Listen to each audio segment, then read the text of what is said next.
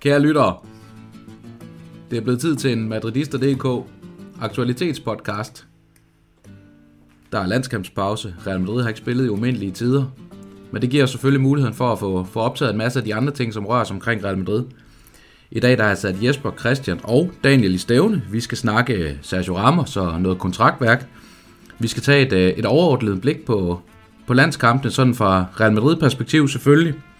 Vi har fået en masse gode brevkassespørgsmål. Så skal vi have en status på, på dette år i La Liga. Og så ikke mindst, de her, så er der endnu en gang et nyt quizformat i spil, som, øh, som vi også skal ud og lege lidt med. Det øh, går forhåbentlig lidt bedre end sidst for to af jer.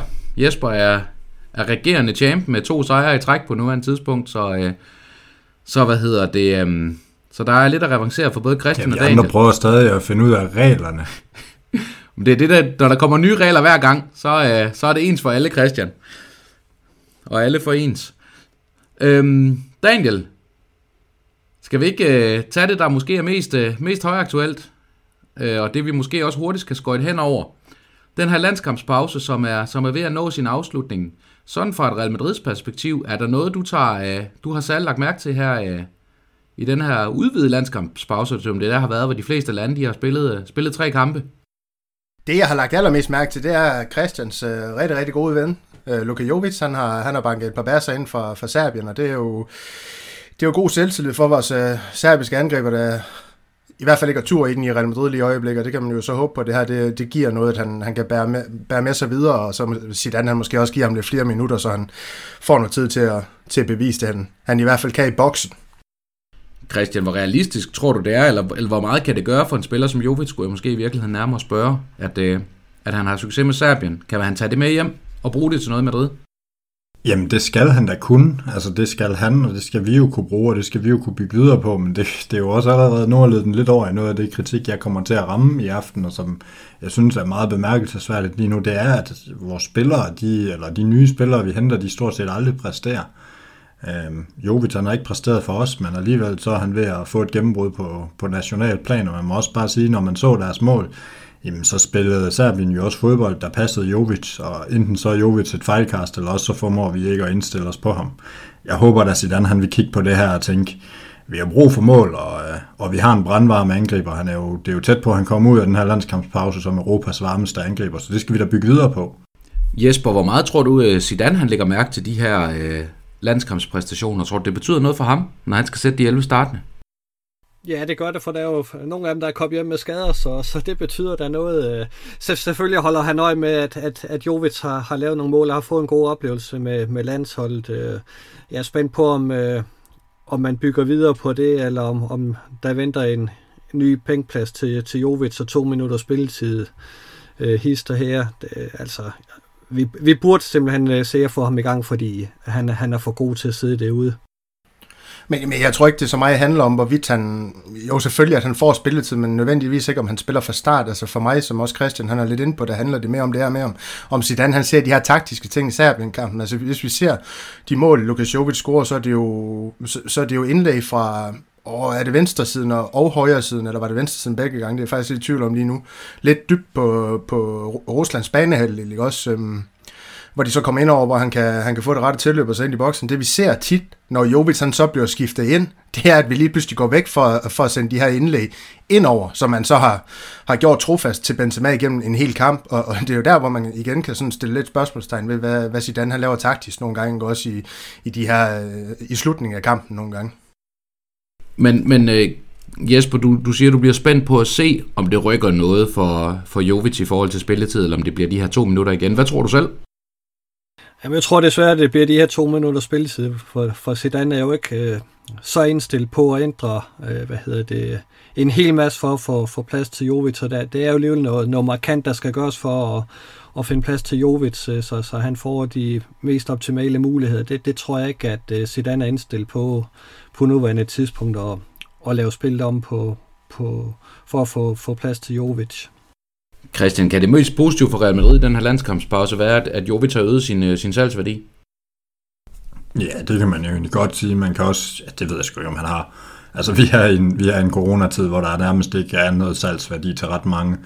Jeg tror, det mest positive ved hele den her periode, det er, at vi har, vi har fået en masse spillere, der har fået pause, fordi de ikke spiller på landsholdet, og det kan man jo så i øvrigt kritisere, at Real Madrid har spillere, der ikke engang er gode, til, gode nok til deres egne landshold. Altså, jeg nævner bare vores startende venstreback, vores startende angriber, vores startende højrekant, vores startende venstrekant, vores backup højrekant, vores backup venstrekant, vores midtbane øh, har også backups, der ikke spiller på landsholdet. Altså, det er jo, det er jo ikke Real Madrid værdigt, at vi har over en halv trup, der ikke er på landsholdet, og det siger måske lidt om vores øh, trups kvalitet. Daniel, den vil jeg godt smide videre til dig. Nå, men jeg er fuldstændig Hvis, enig. hvis, du kan, hvis du kan løsrive dig for de der peanuts, du sidder og gnasker. Jamen, den her gang, der er det druer. Øh, jeg er på skrunk, eller hvad fanden i helvede. Vredens druer. ja, hvad hedder det? Det er godt. John Steinbeck. Nå, Jeg, jeg, jeg, endelig. tænkte, jeg tænkte nogle af de samme tanker dengang, at jeg, jeg så den her udtalelse til, til landsopsamlingen den her gang. Det er lidt alarmerende, at, at vi har så mange spillere, der ikke er dygtige nok til at, til at blive udtaget. ikke Også. Og det, det er jo skær en kontrast til, til det bare for en 3-4 år siden, der rendte rundt i Real Madrid, hvor det var landsholdsspiller for landsholdsspiller for landsholdsspiller hele vejen rundt. Og det var også derfor, vi på bredden var så meget stærkere. Altså den her, det her såkaldte B-hold, de gik bare ind og vandt de kampe, de skulle vinde, når det var. Det ser vi jo ikke i dag. Og, og det, er jo, det er jo lidt af forklaringen på den her rutine, man får via de her øh, lidt større kampe, ikke også? Men Jesper, den vil jeg godt lige vende om. Fordi hvis jeg nu siger, at der kan ligge noget positivt i, at vi har spillere, der faktisk får, får kamppause i en periode, hvor, hvor programmet er ret komprimeret. Hvad siger du så? Jamen, det, det er da fint, øh, og, og især fordi, at, at vi har så mange kampe, øh, så, så, så er det jo rart, at vi har nogen hjemme, der, der, der får et tiltrængt hvil, men, men jeg synes måske, havde vi ikke 15 mand med til diverse landshold, og mange de blev jo frasorteret øh, af, af en venlig Didier Deschamps, øh, og Casemiro havde vel også været med, hvis ikke han havde fået corona, så, så jeg synes at vi har rigeligt med landsholdsspillere, også øh, spillere, som, som er betydningsfulde for deres landshold.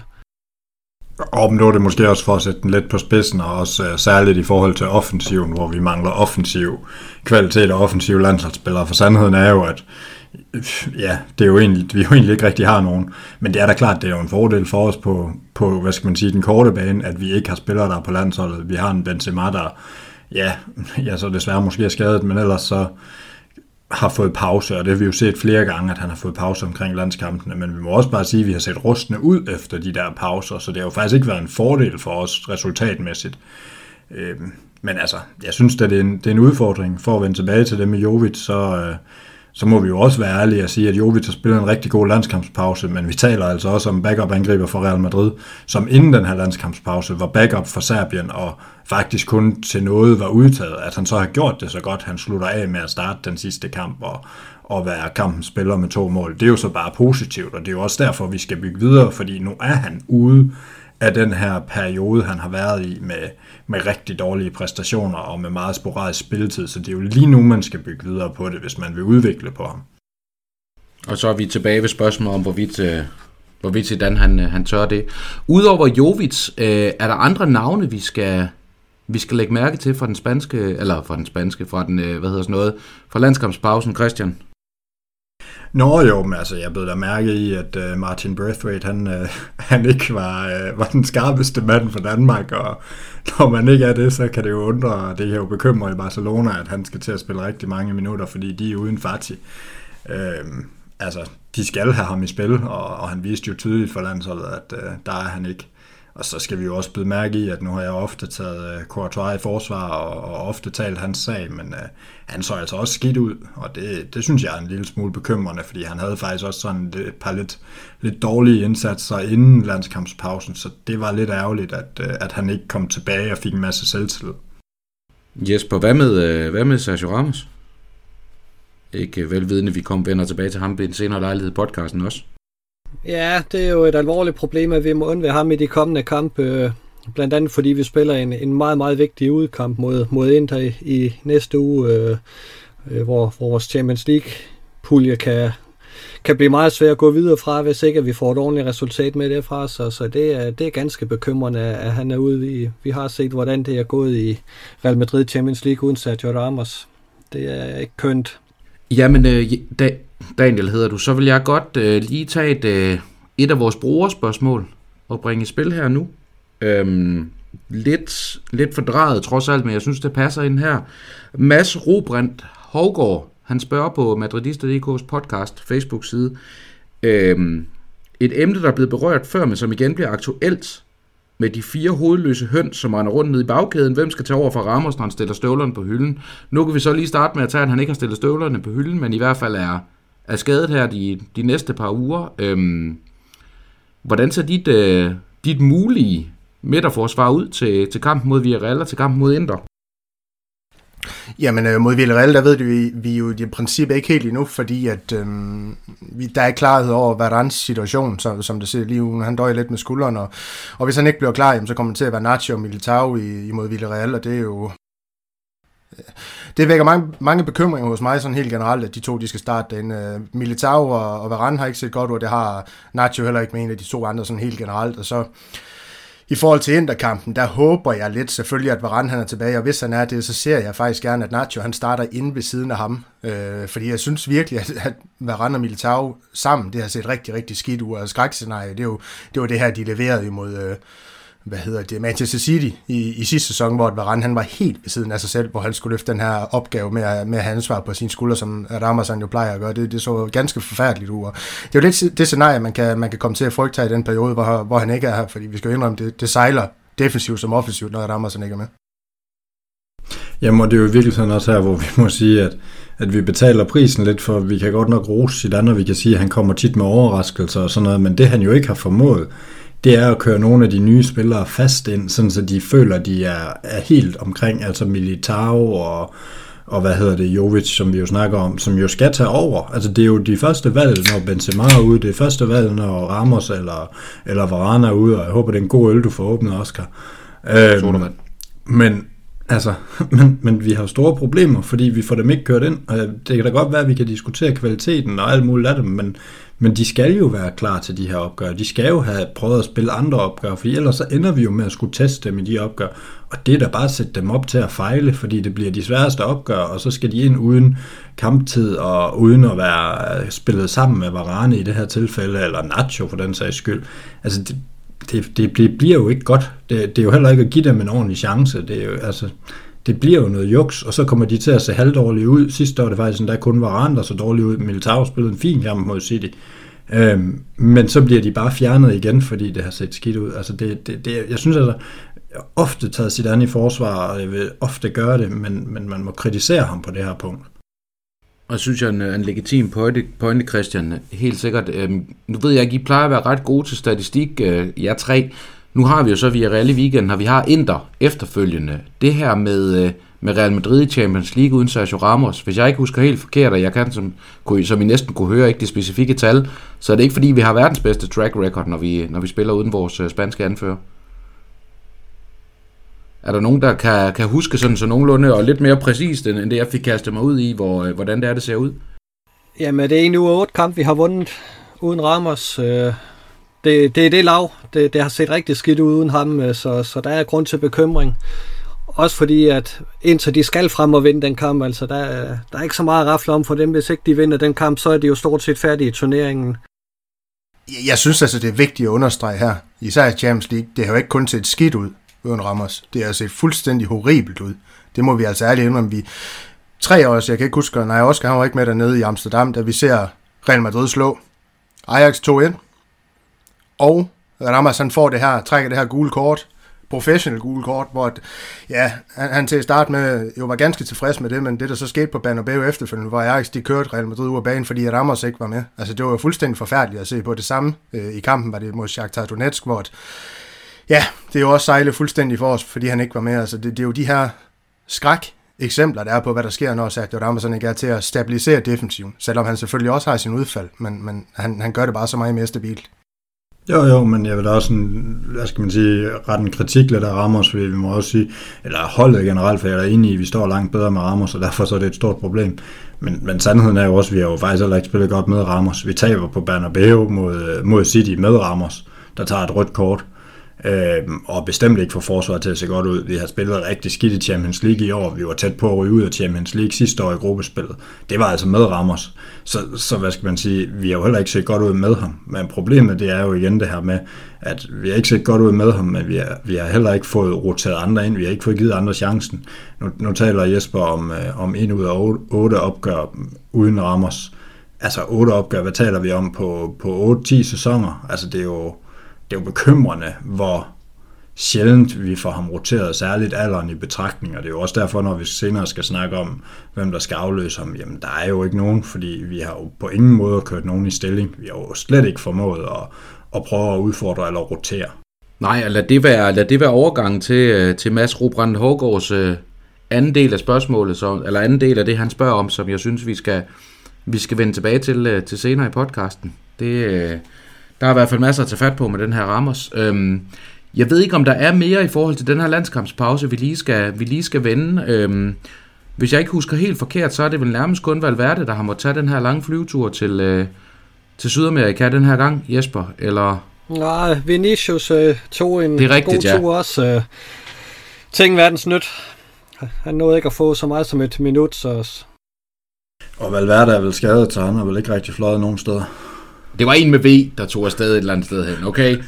Det må også tælle for et eller andet. Håber stadig, det var en god Det er godt, stadig en god cola.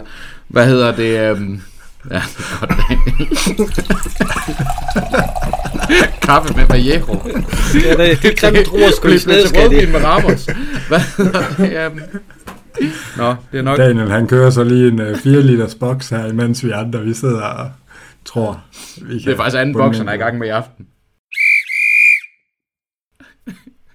Men, øh, men øh, lad det også, øh, den løslumne stemning, så lad det være, være temaet for i aften, og Christian kører sin anden romkugle ind, kan jeg jo fortælle. øhm, lad os tage en quiz. Første runde. Det bliver pis godt, det her, drenge. Det kan jeg godt glæde jer til. Der er øh, tre runder, som det plejer at være. Der skal jo være et, øh, noget genkendelighed i sådan en quiz. Udover det, så er alt, så er alt brudt ned. Så er alt gået i tu. Øhm, der er spørgsmål. Det er der også. Det er også endnu et genkendeligt element, så det passer ikke helt, når jeg siger, der er, der, ved det, der er noget, der ikke noget andet, der ikke er, som det plejer at være. Men derudover, så øh, når I får et spørgsmål, så har jeg hentet en smart app på min telefon, som jeg lige vil vise her. Yes. Det den kan, det er, at jeg har sat den til og Hvor er det, hvor er det at lave, og jeg skal nok her, stille og roligt tage lytterne igennem det. Den kan lave et øh, randomiseret tal fra 1 til 10, hvilket vil sige, at når I nu har får jeres spørgsmål, og inden I svarer, så trykker jeg på random, viser det til jer, så kan I se, hvor mange point jeres svar det giver. Så alt er åbent hele vejen igennem quizzen. Det vil sige, at I kan få fra 1 til 10 point, når I svarer. Er reglerne forstået? Det tager jeg som. Jeg er stillet den, der 10 samtykker. Jesper, du får lov til at starte. Førerholdet i La Liga i kommende weekend. Hvem møder de der? Real Sociedad skal de... Hvem fanden skal de møde? De, de skal møde Getafe, det ved jeg ikke. Vi, De skal møde Cardis. ja, det mente jeg nok. Nu glemte jeg øvrigt at fortælle dig, hvor mange point du kunne have fået for et rigtigt svar. Men øh, det kunne have været det kunne have været fem, Jesper. Det var så også fuldstændig ligegyldigt. Jamen, øh, Daniel, din tur. Hvor mange mål scorede Gareth Bale i landskampspausen? Og du kan få 5 point. Viser det store, øh, det store ur, jeg sidder foran med mig. Han scorer 0. Han scorede 0. Det er fuldstændig rigtigt, Daniel. Det giver dig en 5-0 føring. Det går sat med stærkt, det her. Stærkt. Det er den farligste føring. det er 5-0 er den farligste føring. Det er fuldstændig korrekt. Christian. Hvem fører La Segunda? Og du kan få 9 point. Hvem der fører ja. sekunder? det ville være en fordel, hvis man fulgte med. Jeg siger Oviedo. Det er også et hold, der spiller i blåt. Det er Espanyol, som er på vej på en, en lynretur tilbage i den... Øh, Det burde jeg vide. De har vist faktisk kun lukket et mål ind. Nå, det var ikke nej, spørgsmål. det kommer i næste runde. Så øh, Daniel, du fører 5-0-0 efter første runde. Hvad hedder det? Øhm, nu er jeg ved at gennemgå mine quizspørgsmål her. Det skal jeg ikke. Jeg synes egentlig, vi skal, vi skal få taget en status på, uh, på La Liga. Nu har vi uh, lige så stille talt os ind på, hvem der fører La Liga, Jesper. Det fik du jo sagt flot, at det er, det er, hvad hedder det, det er Real Sociedad. Hvis vi lige skal tage det for lytternes skyld, så, uh, så ligger vi nummer 4 med 16 point. Atletico Madrid ligger over os med, med 17. Barcelona ligger efter os med 11. Så er der lidt forskel på, hvor mange kampe de forskellige hold har spillet. Både øh, Atletico Madrid og Barcelona har spillet 7, vi har spillet 8. Men Sociedad, som er 4 point foran os, har spillet en kamp mere. Jesper, det her brode indtryk lige nu, hvor, hvor der er stor spredning på, hvor mange kampe holdene har spillet og så videre. Sådan Real Madrid på nuværende tidspunkt, hvordan står vi så sådan i det, i det lange løb? Lad mig sige det sådan.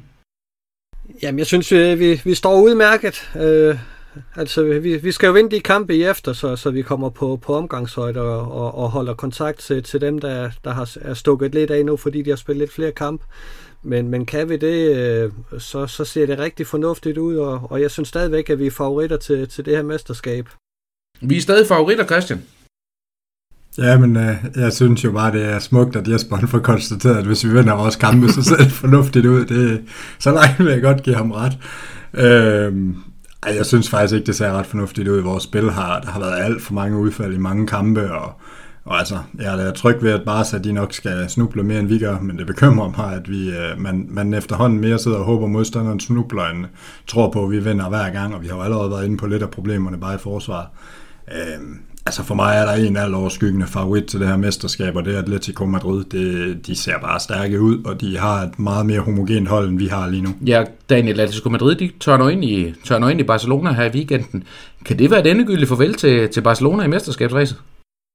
Jeg tror ikke, det kan være det endegyldige farvel så meget, som, som der, der er svingende præstationer i det Liga lige nu, og også for os selv, ikke også? Og, så nej, det tror jeg ikke, at, at det vil være, altså man kan sige, så, eller ikke så, er der sådan kæft, Atletico Madrid, de kommer selvfølgelig til at, til at tage et, øh, et stort skridt i, i forhold til den her mesterskabskamp, det er klart. Øh, de mangler Suarez, så vidt jeg ved, på grund af noget corona. Øh, er det ikke sådan, der er øh, imod, øh, imod Barcelona, så det er jo lidt en bed. Jeg ved godt, at Jao Felix han også kom stærkt for, for land her i, her i La Liga, men alligevel skulle undvære Suarez mod Barcelona. Ja, det her hævn, Morbo, som, som nogen nok vil sige, der er, er i det møde, ikke også? Det, det, det kommer vi til at mangle på, på en eller anden måde i den kamp, ikke også? Og, og det bliver så også lidt nemmere for Barcelona på den bekost, men som Christian siger, Atletico Madrid, de ser skræmmende ud. De er tilbage, tilbage ved de her Simeone dyder, og altså henter en stærk erstatning fra Partey, som de sender til, til Arsenal, ikke også? I ham her Kondogbia, eller Kondogbia, eller hvordan det skal udtales, ikke også? Fra, fra Valencia bumstærkt defensivt igen, så de ser ganske farlige ud og, og, og langt mere stabile i udtryk, end det vi selv er. Og, ja, så øh, vi får vores at se til. Jeg, jeg ser heller ikke også som favoritter lige nu, men jeg ser stadig, altså det er virkelig, virkelig svært at tale om det her, for jeg synes jo stadig på, på truppen, hvis vi ser på papiret, men det kan man jo gøre nok som mig, der står vi stadig stærkest. Men det er jo det der med, altså, det ser bare ikke godt ud, når det kommer på banen, det, det vi har at gøre med, så, så, så, så det bliver sgu svært i det her mesterskabsræs, det gør det. Christian? Jo, men bare lige for sådan, altså som jeg forstod Oscars spørgsmål, så handlede det om, om, øh, om det var et endeligt farvel til Barcelona, og der vil jeg da sige, hvis de taber til Atletico Madrid i weekenden, jamen så er de færdige. De er uden øh, Fati i 3-4 måneder og øh, har en Messi som anfører, der ikke vil mere. Øh, hvis de taber til Atletico, så er de, øh, så vidt jeg husker, øh, så snakker vi 9 point bagefter allerede nu rigtig dårligt kørende, øh, ikke særlig homogen og en øh, trup, der er endnu smallere end vores. Jeg tror simpelthen, det eksploderer i Barcelona også med et præsidentvalg i foråret. Så, så jeg vil sige, hvis de ikke øh, får minimum uafgjort mod, mod Atletico, så kan vi i hvert fald øh, strege Barca fra listen over potentielle spanske mestre. Jesper, er det så simpelt? Ja, det kunne det godt være, fordi øh, der, der ligger mange bomber og, og tigger i Barcelona lige i øjeblikket. De, de tror, de er reddet, fordi de skal have en ny præsident, men, men øh, de er slet ikke vågne til alle de problemer, de står foran. Øh, altså, det, det ser rigtig skidt ud. De har ikke nogen penge, og de har en Lionel Messi, øh, som, som øh, de enten skal, skal sende afsted eller have forlænget med. Og de, og de har ikke pengene til at give ham de øh, nuller på checken, som han, han vil have. Altså han elsker jo ikke Barcelona mere, end, end hvad der står på, på lønningschecken. Øh, det, det har han jo vist ved flere lejligheder. Øh, det, det, det, det skal man ikke se bort fra, at, øh, at, at han er der på grund af pengene, og, og, og når de begynder at slippe op, så, så skal han nok finde et andet sted. Øh, og, og det snakker han jo allerede om nu. Øh, Så de, de står foran en, en rigtig, rigtig svær tid, for de har heller ikke pengene til at hente erstatninger. Nej, og der er jo kommet den her historie, som nu ved jeg selvfølgelig godt, at, at en ting er at holde med Real Madrid og følge med i, hvad der sker der, men, men Jesper, der var jo en, en historie, jeg ved ikke, om du vil gengå, gen, hvad hedder det, gengive den for vores lyttere med, med Messi, der lander i lufthavnen, efter han har været med det argentinske landshold, og langer ud mod, sine, mod journalisterne og så videre. Ja, han havde måske ikke lige forventet, at han skulle omkring 12 kontor og betale en bøde, men og da han så kom ud til, til journalisterne, bliver han jo spurgt ind til den her Griezmann-agent, som, som har været ude og, og sige, at, at enten er man med Lionel Messi i Barcelona, eller også så, så øh, er man ude. Øh, og, og det fortæller jo lidt om, om den magt, han har, og den magt, han bruger. Øh, det, det er jo ikke den første spiller, der har, har sagt sådan om, om Lionel Messi. Øh, hvor meget der er i det, det, det er jo ja, skal, skal, det, skal, det er skal, at sige. Skal vi, ikke, skal vi ikke parkere den og så tage det med grænsal? Altså, vi har også selv haft en, nogle agenter i, i vores trup, skulle jeg til at sige, for spillere, der har udtalt sig håbløst i pressen. Altså, senest med, med Bales i Jonathan Barnett, ikke også? Så skal vi ikke tage det med grænsal, hvad Griezmanns uh, agent, uh, han er også ude for forsvare hans, uh, hans klient, ikke også? Så, ja, lad os tage det med jo, men, men, Daniel, men Daniel, det har du ret i, og den del vil jeg godt give dig, men, men for mig er det i hvert fald som Madrid-fan glædeligt at se, at at der skal så lidt til, at Messi reagerer så voldsomt, som han faktisk gør. Og, og egentlig sender, altså, for det er jo ikke kun Griezmanns agent, det er jo generelt hans, hans portrættering af rollen i klubben, han er sur over. Vi skal huske på, at nu er, nu er vi ved at være i slutningen af november. Om, om noget, der ligner halvanden måned, så kan han rejse gratis. Eller kan han skrive under gratis, og der går allerede rygter nu om, at, at City vil forsøge at hente ham i januar, Jesper. Ja, det, det er jo ikke så meget det, agenten siger. Det er mere måden, øh, Messi reagerer på, fordi han er jo tydeligvis irriteret over tingenes tilstand i, i klubben, og, og det er jo ikke bare gjort med, at man får en ny præsident. Altså, det, det er jo mange ting, der er begyndt at irritere ham. Øh, og har Barcelona råd til at forlænge med ham? Det har de givetvis ikke, øh, når de øh, skal spare, som de skal. Så, så spørgsmålet er, om, om man simpelthen... Øh, vælger at lave en aftale med Manchester City øh, af, ren nød til, til januar for at få lidt penge for ham og så begynde at starte noget nyt op. Øh, det ser i hvert fald ikke øh, gavnligt ud at han fortsætter klubben sådan som tingene er lige nu, fordi ja, der, der bliver meget ballade omkring ham. Men, men så tilbage til udgangspunktet, kan man sige, med hele den her Messi-situation. Fati, som har startet stærkt for, for Barcelona, må vi også erkende, øh, der er skadet i tre måneder. Braithwaite, Jesper, som du var, eller Christian, som du var inde på, øh, ikke ligefrem viste, øh, han var ret meget mere end B93-spiller i løbet af, af landskampspausen. Øhm, så alle de her ting lagt sammen, og så et nederlag med Atletico, eller til Atletico, så begynder det vel også altså, at tage en derhen af, som mit udgangspunkt egentlig var i forhold til det her spørgsmål, at, at Barcelona har, har svært ved at samle et hold, der skal kunne vende den her udvikling. Og så må I selv vælge, hvem er der griber den. Frisbee. Ja, det, det, ja de, de andre to, de er, de er jo ansynligt skråsikre på, at, øh, at det, det, er, det er endelig for Barcelona, hvis de taber til Atletico Madrid. Jeg tror ikke på den. Altså også set i det lys, at vi skal se os selv i mesterskabskampen, og jeg vil sige, de har en, en kamp i hånden i forhold til os, og vinder de den, jamen hvad er de så efter os, hvis de skulle tabe til Atletico Madrid? Er det så øh, fire eller fem point, altså med vores niveau, jamen der er jo heller ikke nogen stabilitet der, så, så er de ikke så langt efter alligevel. Og, men altså igen, som, som, altså, den her pointe med Messi, den er jo god i forhold til det, fordi jamen, det, det står lidt og falder med ham, ikke også? Altså, kan han finde spillehumør, jamen, så er Barcelona stadig et, et farligt mandskab på over 38 kampe i hele liga. Men så tilbage til Christians pointe, at Real Madrid er måske i virkeligheden lidt ligegyldigt det her regnskab. Det måske i virkeligheden er Atletico Madrid, vi skal, vi skal holde en lille smule øje med i forhold til, til kan man sige, det, oh, det endelige mesterskab. Nej, det, ej, altså, vi smider ikke håndklædet i ringen på den måde, hvis de skulle tabe til Atletico Madrid. Altså, vi må også se os selv i mesterskabskampen jo, og måle os i forhold til det jo. ja, men altså, jeg tænker også, vi er større favorit til at udfordre Atletico Madrid, end øh, Barcelona er. Øh, lad mig sige det sådan. Men hvis vi lige, Jesper, skal kigge lidt frem til de næste par runder, inden vi går på, altså inden vi går på, på juleferie, eller noget i den retning, ikke? Vi har Villarreal ude, så har vi en hjemmekamp mod Alaves, Sevilla ude, og så Atletico Madrid hjemme. Øh, og så har vi en Eibar og Granada og Elche, som jeg tænker er, er knap så spændende at snakke om. Men ud af de næste fire kampe i La Liga, der er tre af dem også nogen, som kan, kan bringe os til den grad med i spillet, men i den grad også kan, kan hægte os af. Øh, jeg ved, vi har snakket om det i nedtagt, Jesper, allerede. Øh, men det var inden øh, Ramos blev skadet, og Varane måske også blev skadet, og så videre, og så videre. Øh, hvor bekymret er du for den her næste måned, vi kigger ind i? Nå, men det, der er der ingen tvivl om, at, at med det spil, vi har leveret indtil nu, så, så kan vi godt få problemer, fordi det, det har jo ikke været, været decideret kønt. Øh, det, det vil da være synd at påstå, og, og med Ramos ud, så, så, så går vi ind til, til en svær periode. Det, det er der, der er overhovedet ikke nogen tvivl om. Øh, og, og, og derfor så, så kan det jo godt være, at, at øh, jeg må trække mit, mit mesterskabsfavorit tilbage, når vi kommer en måned frem, hvis ikke vi har fået nogle gode resultater, fordi taber vi til, til Sevilla, Atletico Madrid og Villarreal, jamen så er vi nede og rode sammen med Barcelona. Det, det, altså, dengang er den jo ikke. Hvad hedder det? Nej, og det er rigtigt, at der skal ikke så meget til. Øhm, Daniel, sådan hvis man nu i modsætning til Jesper kigger lidt, det er spørgsmål, jeg gav Jesper, men kigger lidt bagud, hvor meget tror du, den her Barcelona-kamp har reddet, altså vores sejr 3-1 på, på New Camp over Barcelona, hvor meget tror du, den har reddet det generelle billede, vi har af, hvordan det er gået indtil videre sæson? Skjuler den for, for noget?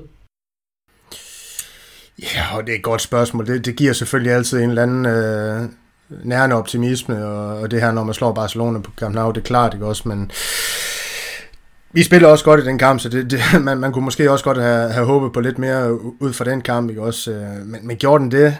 Nej, det, det synes jeg ikke. Jeg synes, at i, i vores nedtagter, der har vi rettet den kritik mod Real Madrid, som der skal rettes også. Så hvis man hører dem i, i sømne, skulle jeg til at sige, så tror jeg også, det overordnede indtryk for os, det er, at uh, Real Madrid sæson, den, den har ikke været godkendt indtil, indtil videre, selvom vi stadig er, er med i toppen, ikke? Men Christian, øh, for lige at trække et af vores brugerspørgsmål ind i det her også. Øh, Jon Vejle, han har spurgt os på, på Facebook. Øh, det her stadionprojekt, øhm, øh, som, hvad hedder det... Øh, og han, jeg vil egentlig godt tage ham, og så vil jeg egentlig også godt tage Anders Sørup Jensen bagefter, men, men det her stadionprojekt, som Real Madrid har gang i lige nu, der så også gør en ting, er, at vi ikke kan spille på, vi kan spille på, øh, hvad hedder det, på Banabeo, det vender vi lige en lille smule tilbage til, fordi som jeg sagde, Anders Sørup, der spørger, det her med, at lige nu der virker vores spillere også trætte, men vi sidder, men vi spiller på et lille stadion ude ved lufthavnen, uden 85.000 på Bernabeu og så videre, og der er ikke det her tryk, som der vil være generelt fra et stadion, uanset hvad det så var, altså, som selvfølgelig helst var fyldt, fyldt men så oveni vi spiller på det her træningsanlæg ude ved, ude ved lufthavnen. Hvor meget tror du, det har at sige i forhold til, til spillernes, kan man sige, præstationer indtil videre? Ja, det vil jeg da sige, at det håber jeg ikke har noget at skulle have sagt, fordi det skal de være professionelle til at abstrahere fra. Det er også efterhånden, de har spillet så mange kampe, at det skal føles som en hjemmebane.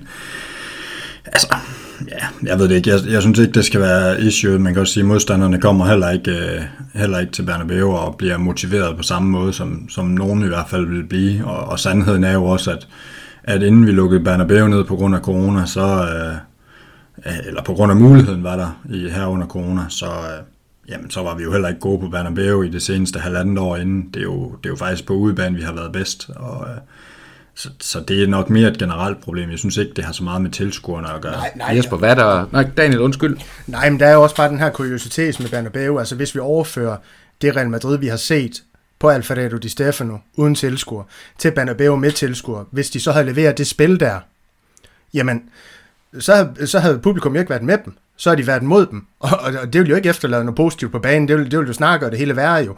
Altså når Bernabeu, de, de gerne vil øh, booste Real Madrid frem, så er det tit og ofte i de her remontada-situationer, hvor vi skal hente et uh, resultat i en, i en, i en knockout-fase i Champions League, hvor vi har leveret dårligt ud og skal, skal ud og hente noget hjemme, ikke også, hvor man ser den her ja, passion, øh, aggression, om man vil, for publikum, ikke? også der, der vælter ned over tilskueren. Det gør man nødvendigvis ikke i de kampe her, hvor man hvad ved jeg, gør dårligt mod Shakhtar. Øh, der, der kan det hurtigt blive en bagdel af det, at man skal spille foran uh, Banabeu. Det har vi jo set i flere tilfælde, at, at spillerne ikke kunne, kunne løfte en opgave.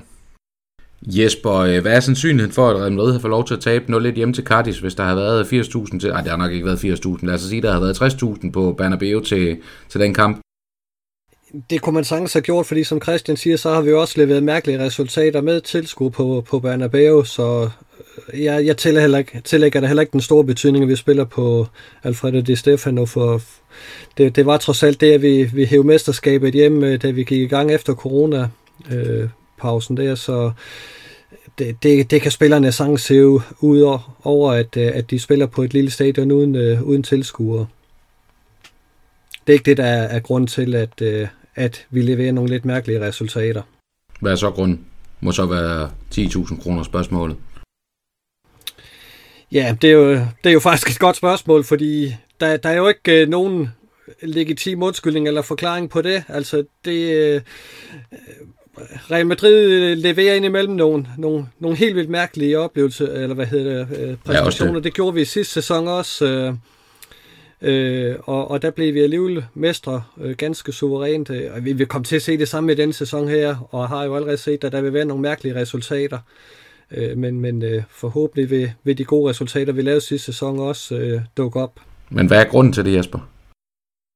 Jamen, øh, altså der er jo ingen tvivl om, at, at, at truppen her, den, den mangler jo, øh, hvad hedder det, nok noget, noget fornyelse øh, og, og noget sult. Øh, altså det, det, det, det, vil nok være tiltrængt at, at få nogle nye folk ind med, med nogle nye idéer, og, og så have en, en B-kæde, der, der var lidt stærkere og, og bød lidt mere til, når de, de fik chancen, fordi det må man jo virkelig sige, det er en mangelvare, eller har været det i, i den her sæson, at, at når der kom nye folk ind, jamen, så har de simpelthen ikke grebet chancen, og det har du gjort det let for sit andet at, at vælge den gamle guard, han plejer at bruge for, for de leverer dog trods alt øh, på et, på et nogenlunde niveau. Jamen, øh, det bringer mig tilbage til før omtalte Jon Vejlø, Christian som spørger om det her med stadionprojektet, og vores økonomi kontra de andre klubber i Spanien og resten af Europa. Øh, der sidder jeg med en klar fornemmelse af, altså Jon Vejlø, om at vi har penge til at reformere, øh, sidder vi med en klar fornemmelse af, om vi har penge til at reformere truppen efter krisen, eller om vi kan hjælpe, hvad hedder det, øh, eller vi bliver nødt til at hjælpe andre klubber med at afhente deres styrespillere for at afhjælpe en konkurs. Forstået på den måde, har vi smidt så mange penge i det her stadionprojekter, corona osv., øh, og på den baggrund spørger Jon så, er det måske okay, at truppen ikke er bedre, end den er? Er det sådan en forklaring på, at den her fornyelse, den, øh, den måske er udblevet? For at tage det ene først, så, øh, så har vi jo styr på stadionprojektet sideløbende, uagtet corona, så er det jo finansieret, og det er der jo fuldstændig styr på. Forhåbentlig giver det også et boost om øh, 3-4 år, når vi for alvor begynder at generere indtægterne fra det, som gerne skulle være markant større end de udgifter, vi afskriver på, at det over 20 eller 30 år, det har Jesper meget bedre styr på, end jeg har.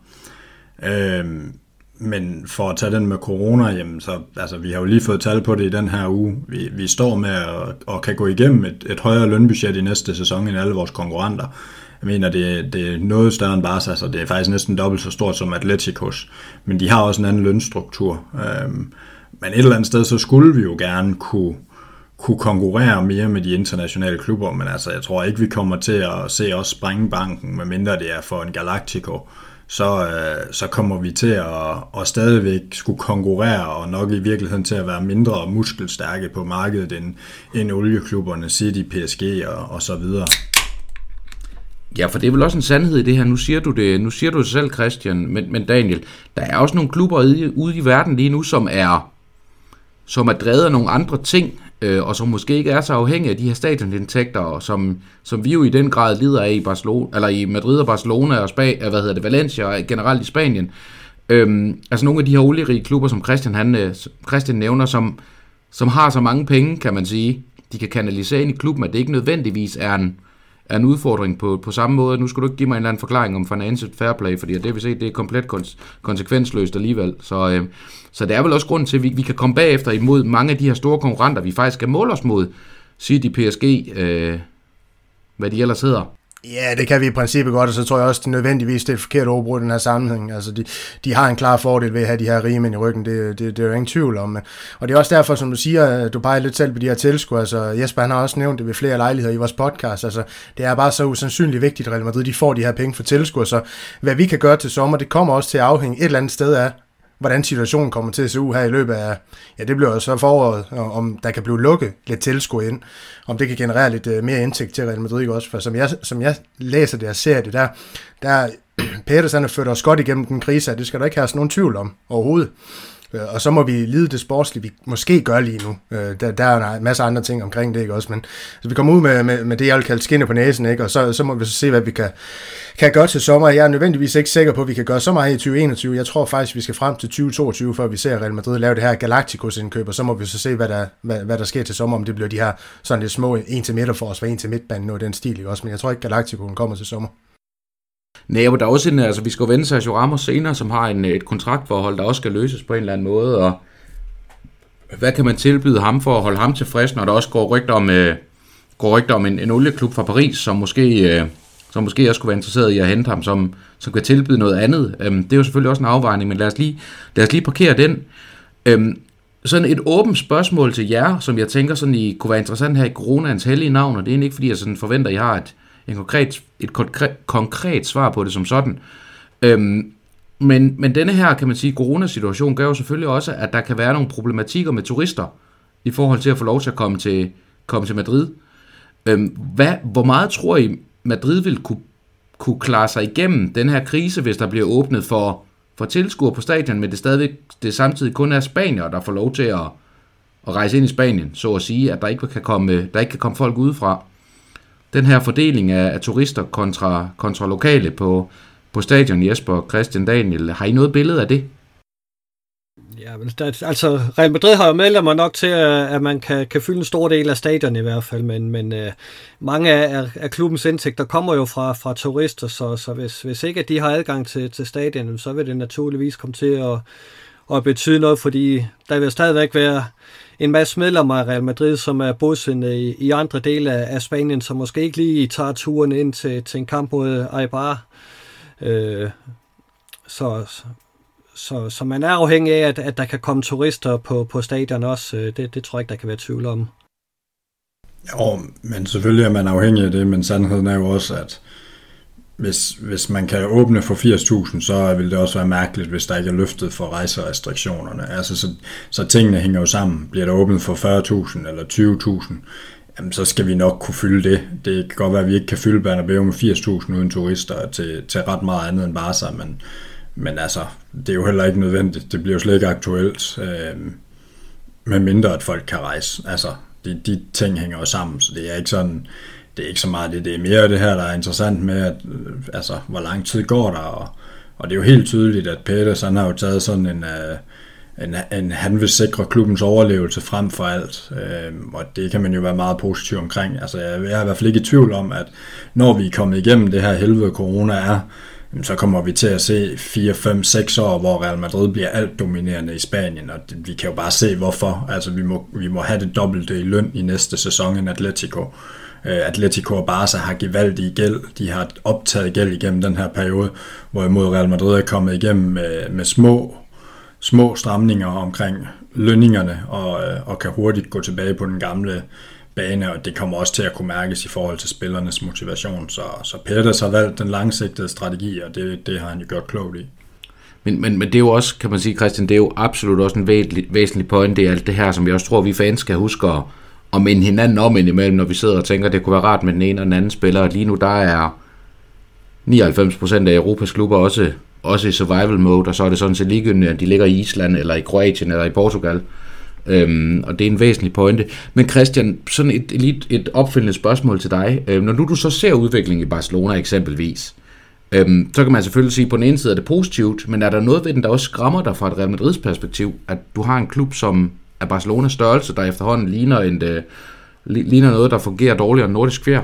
Så var der reference til dem, der var i live 80'erne. Nå, jo, øhm, nu skal det ikke så meget handle om Barcelona i den her podcast, som det skal handle om Real Madrid, men, men det er jo et problem set med, med Real Madrid-briller, hvis, hvis Barcelona, som, som er den anden af de to store medlemsejede klubber tilbage i Europa, hvis de, øh, hvis de må lade livet eller for alvor ned og vende, fordi de kan jo også blive nødt til at byde en øh, oliemilliardær inden bord, så man skal ikke undervurdere, hvad det sådan betyder i forhold til det politiske, at man er flere klubber til at lægge pres på at give fordele til medlemsejede klubber, øh, kontra hvis, hvis, hvad skal man sige, de andre, de også, altså der er Financial Fair Play er et godt eksempel, det er jo indført af klubber, som ikke har Riemann bag sig, men nu er der så mange klubber, der har Riemann bag sig, så når City ikke bliver dømt den straf, de bør, jamen, så er der ikke rigtig nogen til at råbe vagt i gevær. Mm. Nej, og det er, jo, det er jo lidt det, jeg også godt vil, godt, godt vil hen, kan man sige, fordi de her medlemsejede klubber er jo efterhånden en, øh, en saga blot rigtig mange steder. Øhm, Lad det være ordene lige i forhold til det her quizspørgsmål, eller quizspørgsmål, øh, det var før, føles faktisk næsten som et quizspørgsmål, det her spørgsmål, der kom fra, fra Jon Vejlø. Øhm, og så lad os lige tage et, øh, et spørgsmål mere, som er, som er helt i en anden boldgade, Daniel. Så nu glemmer du lige alt om øh, corona og alt muligt andet, hvis, hvis man kan få lov til det i 20 minutter i den her, i den her tid. Øhm, nu er du selvfølgelig også nordjyder har været under kraftige mink-restriktioner her på det seneste, så det, øh, så hedder det, ja, det taler vi ikke højt om. Men øh, Sky M. Young spørger ind på vores øh, Facebook-side, øh, hvis, kraft, virkelig ikke er højre bak, men mere højre vinge, altså Akraf Kimi, som øh, var i Real Madrid for en 7-8 år siden og blev lejet til Tyskland og nu solgt til Inter og alt muligt andet, men stadigvæk spørger i rundt omkring. Øh, burde vi så ikke have omskolet Akraf det sidste stykke af vejen, og måske nu har været besiddelse af en eksplosiv højre ving? Jeg elsker Asensio, men så længe han forholder sig semipassiv og sløv, vil det, i min, vil det i min optik have været super at have en spiller som Akraf. Det kan godt være, at han ikke var super farlig i det første CL-opgør. Her refererer selvfølgelig til den her 3-2 sejr, vi havde øh, over Inter. Men han var for mig at se en konstant uro. Fint, han ikke er dygtig nok til bakpladsen. Men for mig at se, kunne han måske have været omskolet, og så havde vi haft en diametral modsætning til Asensio, hvilket vi mangler for at ændre dynamikken i vores nuværende kampe. Så Akraf, så på højre ving, i stedet for Asensio, er sådan set øh, den, øh, den øh, suppe, du skal koge det her ind til. Ja, øh, først og fremmest så, så, så er det da en spændende tanke. Altså, han havde da uden tvivl, at Hakimi har været et fint supplement til, ja, vel sagtens en, en historisk dårlig højre side lige for tiden i Real Madrid. Altså, det ser rigtig, rigtig, rigtig skidt ud. Asensio, han, han kæmper virkelig med at finde sig selv efter den her forrygende start, han fik, hvor han kom tilbage på corona i sidste sæson, ikke også? Og, og, og det her med at finde sin rolle på det her hold, øh, øh, sammen med, med, hvad hedder han, øh, Benzema og så Hazard, øh, der har været lidt ind og ude, mens Asensio han har været klar, ikke også? Der er noget der, der, der lige mangler at blive samspillet, før vi, jeg tror, vi kommer til at se det endelige udtryk. Men altså det, man kan sige, det er, jeg synes jo allerede i virkeligheden, vi har Asensios modsætning i truppen, øh, i form af Rodrigo, der kan lave de her, eller bringe det her direkte spil, de her udfordringer over højre kanten, det her hurtige antrit og, og fart og så videre og så videre. Jeg ved godt, at man kan sige, at det vil også være smukt at se ham på venstre kanten, så han kan trække ind i banen, men altså hvis man vil have lidt modsætning til Asensio, så er Rodrigo det er et fint supplement, og vi så det også i sidste sæson mod Manchester City, hvor han overløb Cancelo der, og så får den smæk over, ind over til Benzema, der, der pander den ind, ikke også? Så, så, så der fik man jo at se i hvert fald, hvad det kunne blive til med Rodrigo på den side, og så har vi også øh, uh, Zidane's Dække i Lukas Vaskes, der, der, der også kan spille derude, hvis det skulle øh, blive nødvendigt øh, med at bringe lidt modsætning, om jeg så må sige. Jesper er Kraf i, i Real Madrid-truppen, ikke som bak, men som øh, kantspiller. Kan det være noget, vi, kunne det være noget, vi kunne have brugt til noget? Nu er han jo hverken på den ene eller den anden måde en, en del af Real Madrid længere. Jeg ved ikke engang, om vi har en tilbageklausul på ham. Jo, det påstås det jo, vi har, men, men øh, vil Real Madrid ikke mere end, end en kraft på, på, på en offensiv plads? Det håber jeg da. Altså, al ære respekt til Akraf, han er en dygtig spiller, og, og jeg håber at han får succes i, i Inter, selvom kritikken er begyndt at, at øh, ramme ham. Det er også øh, på, blandt andet på grund af, af de defensive mangler, at, de, at man synes, han, han har lidt problemer. Jeg synes, øh, hvis vi skal ind og forstærke Real Madrid-holdet øh, på, på højre kanten, så skal det være med noget mere end, end Akraf. Altså, vi må godt øh, stræbe lidt højere. Øh, mm. Hvis, hvis Akraf ikke havde været Cantarano, havde været en Dortmund-spiller, eller en Manchester United-spiller, eller et eller andet, øh, så er jeg ikke sikker på, at vi vil have offret ret mange penge for at hente ham ind til, til truppen. Altså, øh, vi, vi skal stræbe højere end, end af kraft, øh, når, når vi skal besætte de offensive pladser. Christian?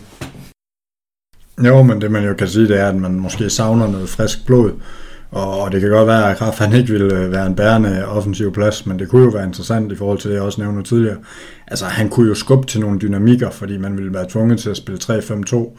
Det kunne både gøre, at man kunne få Militao ind ved siden af Varane og Ramos i et midterforsvar, det kunne også gøre, at man kunne skubbe øh, Mangdi ned og spille en tredje ned, ned bagved, og så spille, øh, spille med en Vinicius i en lidt anden rolle, hvor han kommer endnu dybere i banen.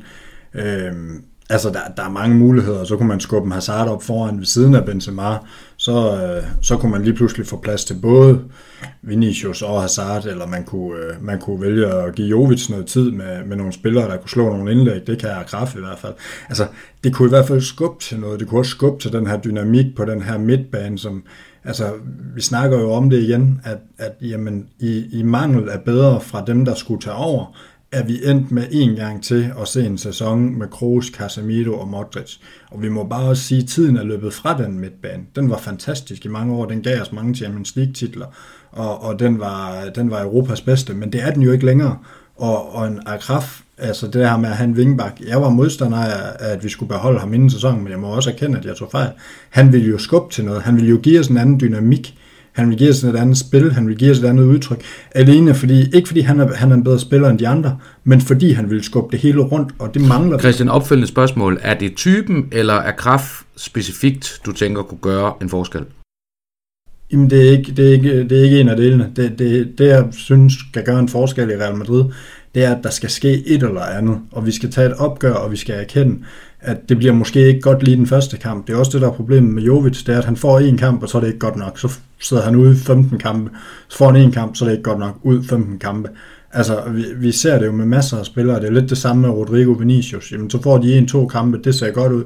Får de en-to kampe mere, så ser det ikke godt ud. Ud med dem.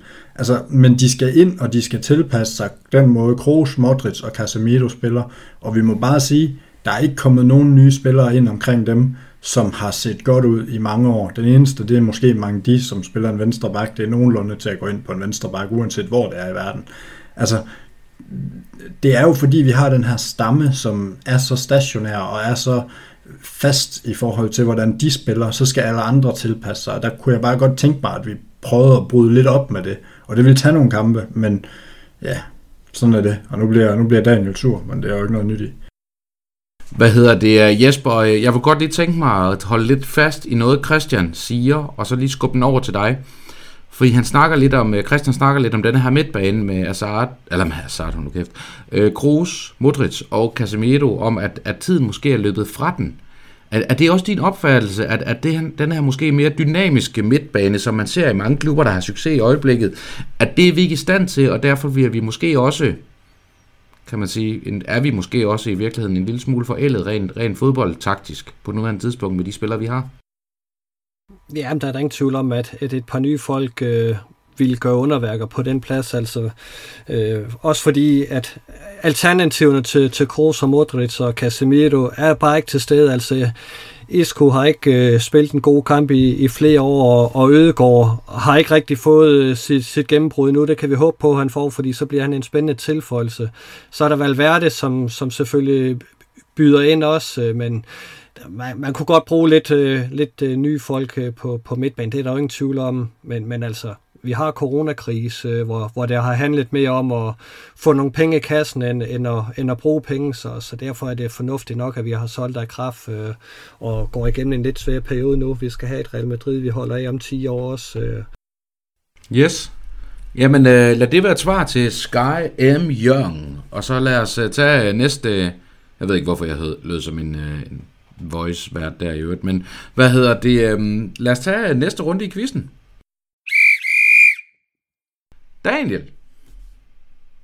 Hvor mange Real Madrid-spillere var med i Spaniens 3-0 sejr over Tyskland? Og du kan få 4 point. Hvor mange Real Madrid-spillere der var med? Jamen, øh, var der ikke kun Sergio Ramos? En. Der var faktisk to, fordi Marco Asensio blev skiftet ind i løbet af anden halvleg. Nå, jamen uh, Jesper, du skal bare fortælle mig helt lavpraktisk et spørgsmål, der giver dig 3 point, hvis du kan svare rigtigt. Hvem spiller på stadionet Orange Velodrome? Hvad det? Ora- ja, de spiller på en velodrome, men er den orange? Det, ah, det gør Rennes, det ved jeg. Det gør Marseille. Det er jo sponsoreret det er af det, Marseille. det franske teleselskab Orange. Hold nu kæft. Så Daniel havde et eller andet sted hjulpet dig med, med svaret, men lad nu det ligge. Ja, han, han bryder ind overalt jo, Ja. ja. og der var en reference med, jeg ikke må bruge. Nå, jamen øh, Christian. Det er en af de svære. Til gengæld så er det et spørgsmål, der kan give dig døb points. Du kan få 10 point. Jeg skal bare vide, og det... Hvilken Real Madrid-spiller har spillet færrest minutter i La Liga i indeværende sæson? Hvilken re- Jævnfør who scored. Altså, Hvem har spillet færrest minutter Er det dem, der også har været for Real kaldt op? Madrid i indeværende sæson? Er det, jeg skal vide, er det dem, der også har Kri- været... Christian... Hvad Nej, siger du, Christian? det, det, nej, det er hver gang Christian, han skal have sådan en opfølgende hjælpepakke. Droppe. Så giv mig et andet spørgsmål, med, men jeg er jo nødt til at vide, jeg, er jeg er nødt til at vide, igen. om det er førsteholdsspillere, Hvilken- eller om det også er, hvad hedder det, Castilla opkald. Hvilken Real Madrid-spiller? Så må du vælge, om det er en øh, Ruvenil A eller en Cadette B-spiller, har spillet Lunin. færrest, kampe, øh, færrest minutter for Real Madrids første hold i indværende Det må være Luni. Det var det ikke. Det var til gengæld Sergio Arribas, der blev skiftet ind i sidste minut i første runde i 0-0-kampen mod Real Sociedad. Men vi ved jo, at Lunin har spillet færre. Så giver dit spørgsmål jo ingen mening. Har jeg ret? Så du, hvis du har 0, har du ikke spillet. Har du? Det, så har man da spillet færre minutter, end en, der har spillet 3. Og nu er, nu er Daniel forladt samtale. Det er jeg bare lige nødt til at fortælle vores lyttere. Daniel har forladt samtale i vrede over du, din kvævulance. Men kan vi blive... Så må du da lave din quiz ordentligt. Nej, du må stoppe dit øh, ordpisseri. Vi hopper videre. Jamen, det er jo en skandale, det her. Ja, det er en skandale. Næsten på højde med dine evner til at svare på spørgsmål. Jesper, vi kommer ikke udenom ham. Det er der rigtig mange angriber, der heller ikke gør. Sergio Ramos. Da vi gik øh, på landskampspause, der havde vi vist ikke forventet, at øh, hans kontraktforlængelse lige pludselig skulle eksplodere op i hovedet på os. Hvad, hvad pokker sker der med den kære spanske anfører, der lige nu ligner en, ligner en mand, der måske er på vej væk fra Madrid? Jeg tror, der er fuldstændig styr på den situation mellem Florentino Pérez og Sergio Ramos, men aviserne skal have lidt at skrive om. Øh, jeg er ikke så nervøs. Øh, Sergio Ramos får ikke bedre vilkår nogen steder, så, så han skal nok blive. Og det er også, hvad, hvad Real Madrid er bedst tjent med, og, og det man arbejder ud fra. Så, så de skal nok nå til enighed, men øh, man kunne da godt tænke sig, at kontrakten kom på plads i morgen, øh, så, så man ikke øh, skulle have for mange af den slags skriverier. Men, men Jesper, bare lidt opfølgende spørgsmål, inden dagen jeg får lov til at sige noget. Hvorfor er du ikke bekymret over for et par dage siden, at, øh, at den her historie begynder at køre i medierne om Paris har tilbudt øh, Sergio Ramos en aftale, der er dobbelt så god som det, han får i dag i Madrid. Samme dag vælger både Sergio Ramos at afbryde et, øh, eller hvad hedder det, annullere en, øh, en pressekonference med det spanske landshold, og Florentino Pérez nægter at gå på, hvor, var det øh, El Aguero, han skulle have været i i, i Spanien. Øh, hvad hedder det? Hvorfor bekymrer det dig ikke? Fordi for mig er det samtlige farsignaler, du kan, du kan trække ned fra hylden, der, der eksploderer der for mig. Jo, Sergio Ramos er afsted med, med det spanske landshold, og gider han sidde til, til et, et pressemøde og svare på Real Madrid-spørgsmål, når han er afsted med landshold. Jeg kan måske godt forstå, at, at han vælger at bevare roen omkring det spanske landshold, eller andre folk kom til. Og så han er har Florentino Pérez mod... Ja, men han er afsted for Spanien, han er ikke afsted for, for Real Madrid. Så, så han har sådan set ikke noget at snakke øh, om i forhold til, ah. til Real Madrid på, på de der. Så, så synes jeg, vi tager men, det for meget det er med på, men synes du ikke, timing er mærkelig? Og også at Pettis vælger at gøre det samme, hvor man kan sige, okay, fair nok rammer sig afsted med det spanske landshold. Florentino Pettis var vel ikke afsted med, med andre end sig selv, og han må vel trods alt være forvente, at når man går i et, øh, i et program på en spansk sendeflade, så er der en risiko for, at der kommer nogle, nogle spørgsmål uanset hvad, og så kunne det være den ene eller den anden spiller. Det er klart, den, den er mere spøjs i forhold til, til hvad hedder det, Florentino Pérez, for, fordi han kunne jo godt have lavet et, et interview og, og sagt, at, at man arbejder på at, at få den her forlængelse på plads, og, så det er da lidt spøjs, der, at han ikke bare gennemfører. Øh, men, men jeg er ikke nervøs for, at, øh, at vi ikke når at, at få en forlængelse på plads med Sergio Ramos. Det tror jeg helt sikkert, vi gør. Jamen, det tror jeg da også, vi gør, fordi, hvad skal man sige, Ramos han bliver i Real Madrid, det er jeg heller ikke i tvivl om. Men Altså, vi må også lige kigge på det. Du har lige siddet og havlet en, øh, en argentiner i Barcelona ned for at være, vi går efter den største check og, og kun være der på grund af pengene og ikke på grund af hjertet. Og nu sidder du og tager vores anfører i forsvar og siger, at det er på grund af landshold og nationens interesser, at han lige pludselig ikke stiller op til et interview, han selv har været med til at sige, at han ville stille op til. Altså, det er jo, altså come on, og samtidig så kan vi høre fra PSG, at de er mega sure over, at øh, uh, Ramos og agenten bruger dem til at spille øh, spille, spille sig ud imod Real Madrid. Altså, vi må også lige være ærlige og sige, at det her det er, og for to år siden vil han forlade os, for efter han ender med at få en kontraktforlængelse. Altså, Ramos har altså et par gange her ikke set alt for godt ud, og jeg synes faktisk, det er ærgerligt, særligt corona i betragtning, og, og hvad der ellers er i forhold til, at man skal forhandle med, med spillertruppen, og, og, om, og vi sidder og roser dem for at gå med til, til at gå ned i løn og sådan noget, så er det her forløb altså ikke særlig kønt, og jeg synes også, vi skal, altså, jeg kan godt lide vores anfører, men øh, vi skal altså også skyde med skarpt, når der skal skydes med skarpt, og det skal der altså her. Men der, der er jo ingen tvivl om, at Sergio Ramos vil, vil have øh, den bedst mulige aftale, han kan få. Øh, selvfølgelig vil han det, øh, og, og det, det klandrer jeg heller ikke øh, Messi for, at han selvfølgelig vil have i, i Barcelona.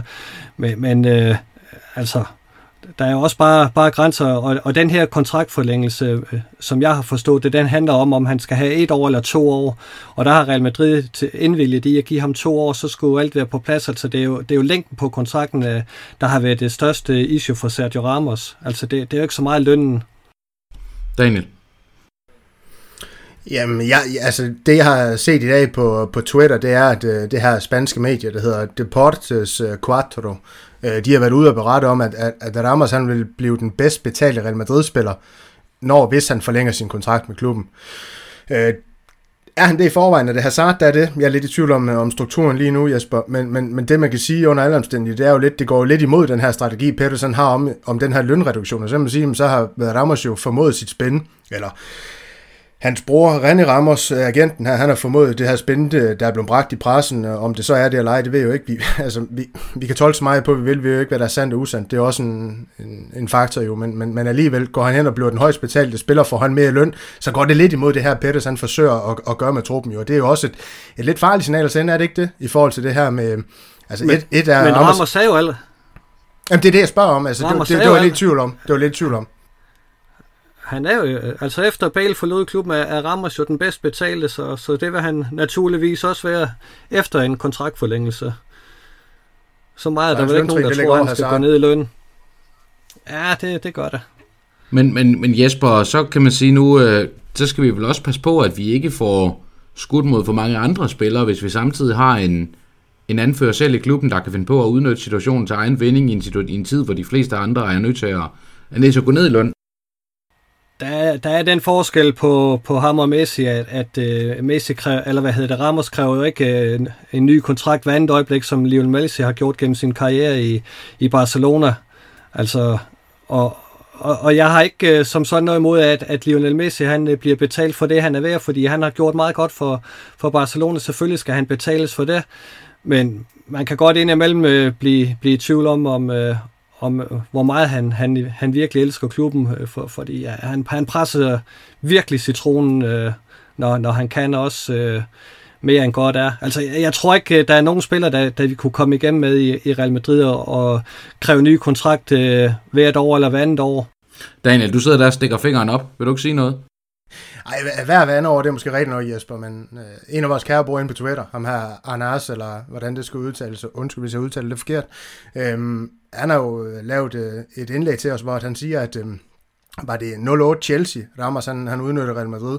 Lidt var det 15 Manchester United, jeg kan ikke huske årstallet der, hvor han udnyttede Real Madrid i forhold til at få en, en bedre kontrakt, og nu er han måske ved at gøre det samme med PSG, ikke også? Altså, så der har alligevel været tre tilfælde med, med Ramos, hvor man kan sige, at han har, han har brugt nogle andre klubber, eller hans agent i hvert fald har igennem pressen brugt nogle andre klubber for at plante nogle rygter, for at skabe øh, et bedre udgangspunkt for, for Sergio Ramos. Jeg ved godt, nej, det er ikke det samme som Messi, men der har stadig været lidt.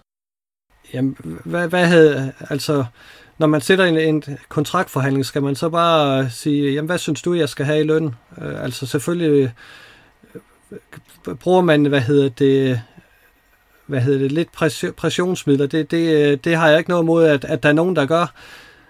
Altså, jeg ved ikke, hvad, hvad der skulle være i vejen med det. Nå, men så er det vel også Nå, okay, der er heller, der er andre, heller ikke nogen, der, der siger, der er noget i vejen med det. Jeg spørger bare til signalet i det. Ja, den er jo ekstra uheldig, når man er anfører. Men, men, men, men, men omvendt, så, så leder det vel også til spørgsmålet. Er Ramos så vigtig, Christian, at han også er, kvæg, trods sin alder på snart 35, eller hvis han ikke allerede er blevet det, er han så vigtig, at han også kan, kan egentlig bede om at få skrevet det, det tal på checken, han selv bliver om? Nej, det synes jeg ikke. Jeg tror, at det, her, det er lidt ligesom med midtbanen. Altså, vi skal tage det opgør, om vi skal tage det om et år eller om to. Der er jo ikke noget, der tyder på, at vi har mere styr på Ramos afløser om et eller to år, end vi har nu. Øh, hvis man kan få ham til at forlænge et enkelt år til samme løn, så er det fint nok, så lad os da køre videre, men, men vi skal også have taget det her generationsskift, og vi skal gøre det på et eller andet tidspunkt. Jeg, jeg synes måske, vi, vi nærmer os at være der, hvor vi skal få det gjort. Jeg synes i hvert fald to år mere, det, det er længe at skubbe en, øh, en foryngelsesproces, men altså coronamæssigt kan det måske også give mening. Jeg, jeg savner bare noget fornyelse, og, og endnu en gang ender vi egentlig bare med at, hvad skal man sige, skubbe problemerne frem i tiden. Jamen, men det, Daniel, det er vel også et legitimt spørgsmål, fordi altså, en forlængelse med Ramos på to år udskif, udskubber, eller hvad hedder det, hvad hedder sådan noget, skubber vel også den foryngelseskur, som for at bruge Christians ord, som klubben i den grad har behov for længere ud i fremtiden. Gør den ikke det? Jo, det gør den, men for fanden, den er, den er jo svær, også? Fordi øh, Ramos, som vi også har snakket om i podcasten her tidligere, han er så usandsynlig vigtig for, for det her Real Madrid-hold, så det er jo en svær balancegang, også? Hvad skal man gøre, hvad skal man ikke gøre? Altså, det, det også har man den rigtige mand til lige at tage over for ham, det har man jo ikke, og man så jo også i, det husker vi alle sammen i midt-nullerne, hvad der, hvad der skete dengang, det her ja, Hierro, han, han forlader os jo også, man, man prøver lidt med Samuel Woodgate. Der er nogle andre eksistenser i øh, Pavon og Maria, ikke også, der, der også er der, ikke også. Um, det, det, er jo ikke, det er jo ikke før, at, øh, at, at ja, hvad, hvad, skal vi sige, Pepe, han, han får stabiliseret sig, og Ramos, han kommer ind sammen med midterforsvaret, det begynder at blive, blive godt i Madrid igen, ikke også? At det tog bare lang tid, og det er jo måske det, man også lidt frygter, ikke? Altså nu, hvor lang tid kan der komme til at gå, før at, at man har fundet det her stabilitet igen, efter at man, man siger farvel til Ramos? Fornyelsen skal jo heller ikke nødvendigvis komme øh, ved, at, at man bare sorterer dem fra, der er ældst. Altså, det skal være dem, der er dårligst, man sorterer fra, og, og der er jo rigeligt med spillere, man kunne, kunne begynde at kigge på. Altså Isco, Marcelo, øh, Lucas Vazquez, øh, Mariano, øh, Jamen, der, der er jo masser af spillere. Nacho også, øh, og en af de spillere, man kunne, kunne se, øh, sortere ud i. Så, så det, det er jo de spillere, vi skal med, så dem som ikke byder ind med noget, og ikke har gjort det i, i, i lang tid.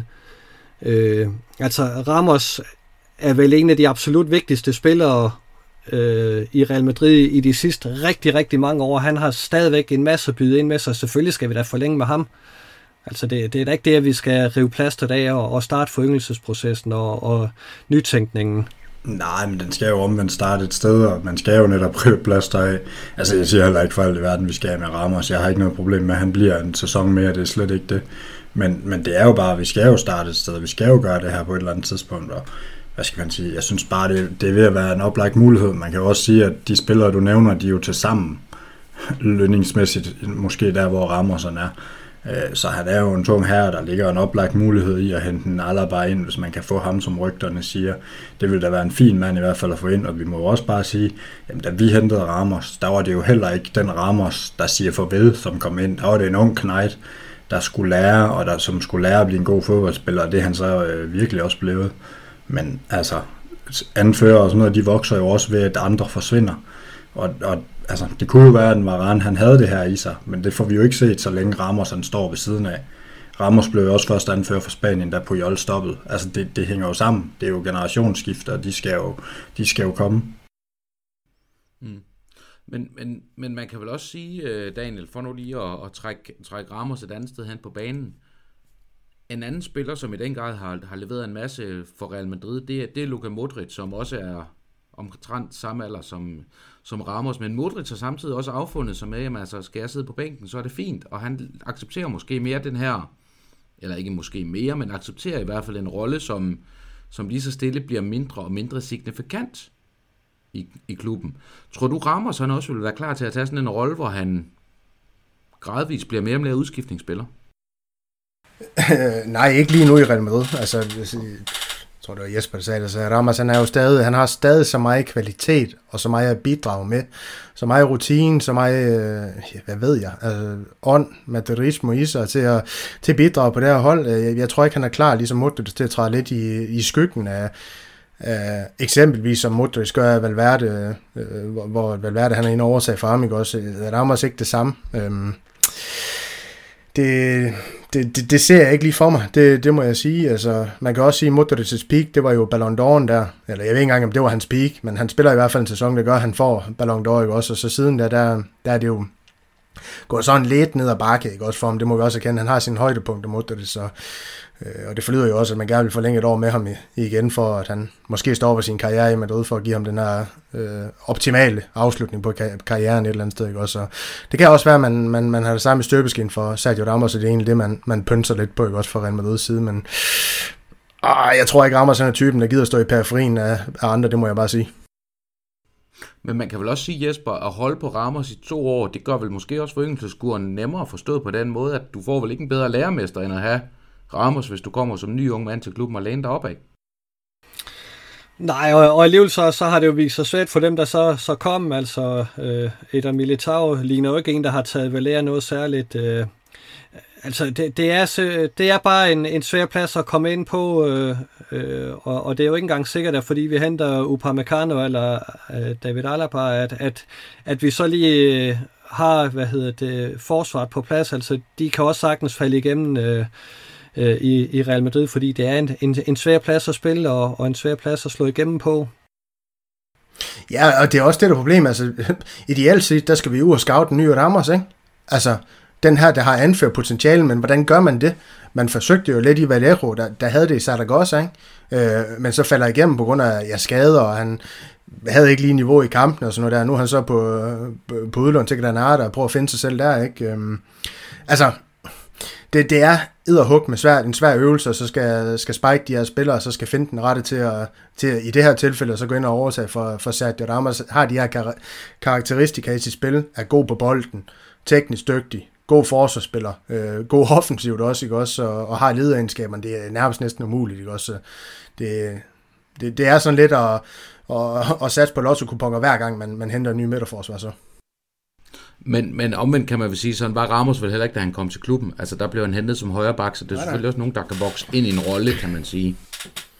Nå, jo jo, men, men der var jo det her med, at Ramos, da han, han starter, er det ikke i Sevilla, altså han, han har også spillet nogle angriber, ja, han var højre bak, da, da han, han kommer til Real Madrid, ikke, og spiller der til at starte med, får en masse spilletid, men altså han har været lidt rundt på banen, og det gør jo også, at han har nogle ekstraordinære egenskaber i, i, sin, i sit virke i det centrale forsvar, og det er det, jeg mener, altså det er bare svært at scoute, altså Alaba, han har det jo lidt, fordi han er, er den her altid spiller, der kan dække nogle forskellige pladser, ikke også, men, og han er ikke også anfører for det østrigske landshold, kan man sige, ja, det er stort land at lege, men, men han har stadig det her i sig, han, han kan bære noget ansvar, ikke? Og, og det, det, er måske noget, man skal overveje, hvis man skulle finde afløseren for Sergio Ramos, og han har også noget rutine i Bayern og alle sådan nogle ting her, nogle år på banen og sådan noget, så det vil måske være en god afløser til at starte med. Christian, kan du huske Mads Hobrander Hovgaard? Det var ham, der stillede spørgsmål til Ramos i forhold til de fire hovedløse høns i bagkæden.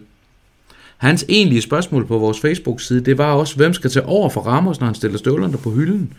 Så hvis du nu skal lege øh, indkøbschef i Real Madrid for et kort øjeblik, og vi leger, at Ramos han er, han er væk til sommer, hvem, øh, hvem er det så, du går efter for at udfylde pladsen? Altså, jeg ved ikke, om jeg går efter nogen, men jeg vil tage Alaba, fordi det er, det er oplagt økonomisk, og, og det er også en kvalitetsspiller, der har vundet Champions League, så, så det vil klart være ham, jeg vil, jeg vil tage, men jeg ved ikke, om det er ham, jeg vil gå efter. Altså, jeg vil nok også øh, køre sådan en dobbeltplan, der hedder nu og her, og så, øh, så på længere sigt, jeg vil nok også øh, tage en lang snak med Varane, om ikke han, øh, han synes, det var på tide, han skulle ind og, og være, være leder i forsvar, som han jo er på det franske landshold. Det glemmer vi også lidt, hvor han er utrolig stærk.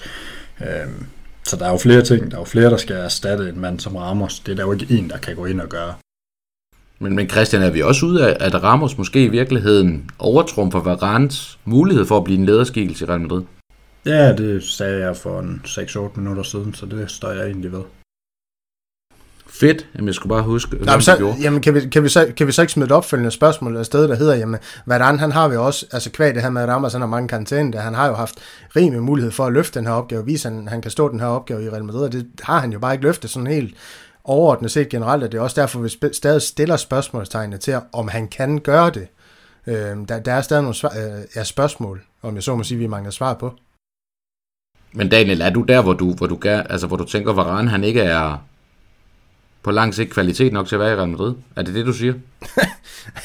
nej, nej, det siger jeg ikke. Jeg siger bare, at uh, Varane han skal have en, uh, en, en dygtig marker ved sin side, i, i hvert fald i Real Madrid, til at, til at kunne, kunne, um, kunne løfte det ansvar, det nu engang er, og skal, skal, skal stå en midterforsvar i verdens største klub, hvor forventninger de bare er, er skyhøje. men, men det er vel også, kan man sige, det er vel også problematikken i forhold til, til konkurrenter. Ja, jeg, kan ikke se, jeg, kan jeg kan ikke se Christian, mit net det er så dårligt, jeg kan ikke se Christian, lige så hører jeg bare en, der fniser. jeg ved ikke, hvad der sker. Ja. Vi kan så fortælle, at, at din sætning på 5 sekunder bliver strukket ud på cirka 20 sekunder hos os andre, så det er meget underholdende. Men anyways, uh, Daniel, uh, så vil jeg lige lade dig uh, lege med, dit, med din ADSL-opkobling op i, op i Nordjylland. Jesper, um, hvad hedder det, er vi ude i, at det også, som for noget tage det Daniel siger, at det også er Varans medspillere, som vi også startede med at snakke om for lang tid siden tilbage i podcasten, som faktisk er med til at gøre, at Varane ikke er den lederskikkelse, han er, når Ramos ikke er der? Eller ikke er det en lederskikkelse, han burde være, når Ramos ikke er der? Ja, altså, der er jo ingen tvivl om, at Ramos og Varane, de gør hinanden stærkere. Altså, det fungerer, når de to er sammen. Altså, Sergio Ramos har problemer, når, når han har Militao eller Nacho ved sin side, og Varane har problemer, når han har Militao eller Nacho ved sin side. Så, så det kræver selvfølgelig, at de har en ordentlig marker. Jeg tror sagtens, at Varane kan gå ind og, og blive øh, en lederskikkelse, hvis, hvis Ramos ikke er der, men, men det er svært at være vikarierende chef, øh, og så gå ind og vise øh, de der store øh, lederevner, øh, når man spiller sammen med en, som man ikke er vant til at spille sammen med. Øh, det, det forplanter sig selvfølgelig, så, så det er vigtigt, at, at øh, Varane til den tid får en, en, øh, en marker i forsvaret, som han skal spille fast sammen med. Øh, og, det, det kunne godt blive en spiller som Upamecano, som, som han også spiller sammen med på det franske landshold. Øh, altså de, de to tror jeg godt, at, at kunne få et glimrende samarbejde med Varane som leder. Men, men, men øh, Varane ind i en decideret lederrolle som, som vikar fra Ramos, når han ikke spiller de par kampe om året, det, det har jeg lidt svært ved at se, at det, det, øh, at det er det, man skal bedømme hans, øh, hans lederevner. Der er det nok nemmere at, at se dem fra Frankrig, hvor, hvor han jo rigtig nok øh, øh spiller på et, et lidt andet niveau. Mm. Ja, og, og det er jo selvfølgelig også rigtigt, og Upamecano er selvfølgelig et, et interessant bud, så kan man sige, så mangler vi bare at hente, hente Benjamin Pavard i, i Bayern München, så har vi hele den franske, det franske landsholdsbagkæde næsten uh, til rådighed, medmindre du selvfølgelig hellere vil se Marcelo fra start. Det plejer du ikke at ville. Øhm, og det var ikke et spørgsmål, det var bare en konstatering. Jeg synes, vi skal tage... Jeg svarede heller ikke på det. Hvad siger du? Jeg siger, jeg svarede heller ikke Nej, på det. det er ligesom, det er ligesom i quizzen. Hvad hedder det? Um, jeg synes lige, vi skal tage et andet quizspørgsmål, et andet quiz, et andet brugerspørgsmål, som også er interessant, øh, fra Ronny Jørgen Ulander Rosenberg. Øh, og vi bliver faktisk i Frankrig, øh, så vi kan lige så godt blive ved dig, Jesper, også. Som spørger, Øhm, vores angrebsspil har store problemer, og snakken ender altid på, at vi skal have Mbappé ind, hvilket jeg håber sker. PSG har udtalt, at de har påbegyndt kontraktforhandlinger med ham. Hvis han gør det, hvem er det så, vi skal gå efter? Altså, hvis vi ikke kan få Mbappé, hvem er det så, vi skal gå efter? Og så kommer nogle spørgsmål hen ad vejen, dem smider jeg lige videre til Daniel og Christian i øvrigt, men nu kan du starte med den første del her, Jesper. Ja, det er jo øh, et godt spørgsmål, fordi Mbappé er jo den spiller, som jeg synes, vi virkelig skal gå efter, øh, når muligheden byder sig. Altså, vi er, vi er lidt i, i venteposition, fordi øh, vi ikke øh, vil tage et opgør med, med Paris, øh, så, så vi har, har, har nok accepteret lidt at, at vente på, at den rigtige øh, tid kommer, og, og den skal nok komme, øh, så er jeg sikker på, at vi, at vi sagtens kan hente øh, Mbappé, men, men øh, det kræver, at, at Paris øh, er lidt med på spøjen også, og, og det, jeg tror ikke, at øh, Mbappé forlænger med, med, med Paris, fordi så, så tror jeg, at han havde gjort det for at få lidt ro omkring sig. Altså han, han ved også godt, øh, at han står med kortene på hånden lige nu.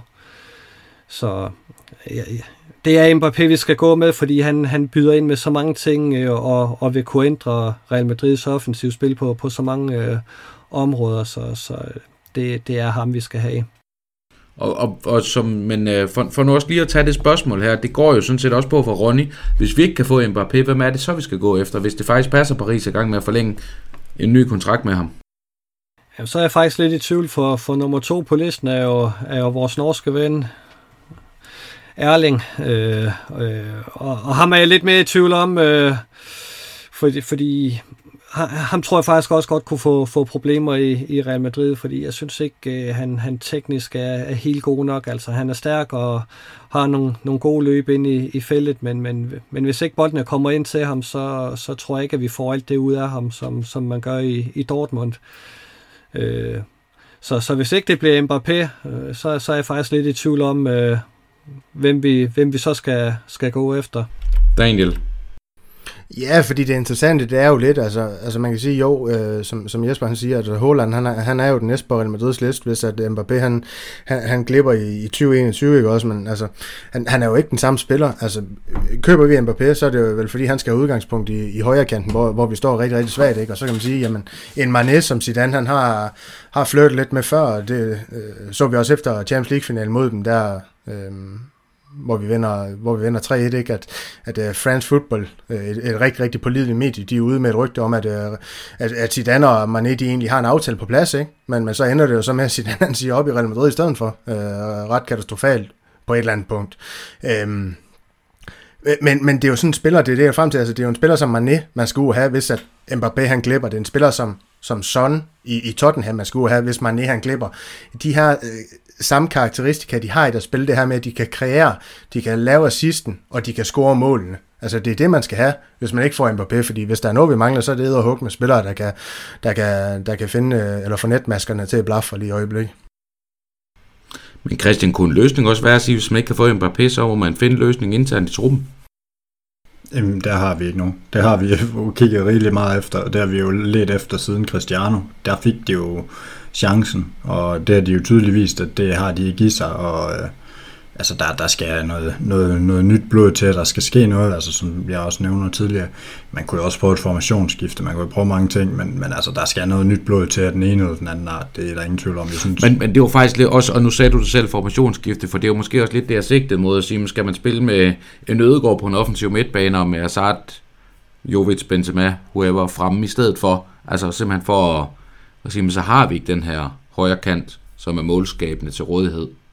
Men vi har en ødegård, som faktisk måske kan noget andet for os. Jo, jo, bestemt. Men altså, jeg tror bare, ja, for, at, for at man kan lave det skifte, for at man kan gøre noget, det er jo netop også derfor, jeg mener, at Akraf, han kunne måske godt have givet noget, fordi han, han kunne have været en del af, af noget nyt blod. Øh, og så Ødegård også, og Ødegård kan godt komme ind, men Ødegård har det jo også svært, fordi han skal tilpasse sig de andre på midtbanen, det vi også snakker om masser af gange.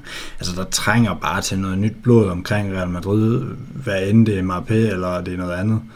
Øhm, og det, det synes jeg bestemt, man skal arbejde ud fra. Altså, de, de spillere, der er i truppen, har jo fået, fået masser af chancer, og nogle af dem kan sagtens vokse med andre gode ved deres side, og, og Hazard kan jo, kan jo også begynde at, at, at ligne fodboldspiller mere igen, så skal det nok også hjælpe på det. Men, men altså, der skal hentes noget, og der skal noget frisk blod til. Lige præcis.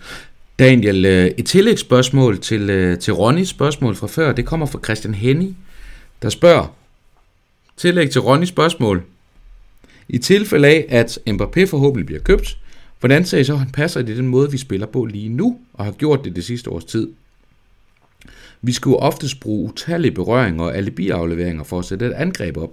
Jeg så gerne, at man fik mere fart og direkthed i midtbanen, så spillere som ham og Hazard ville få bedre betingelser.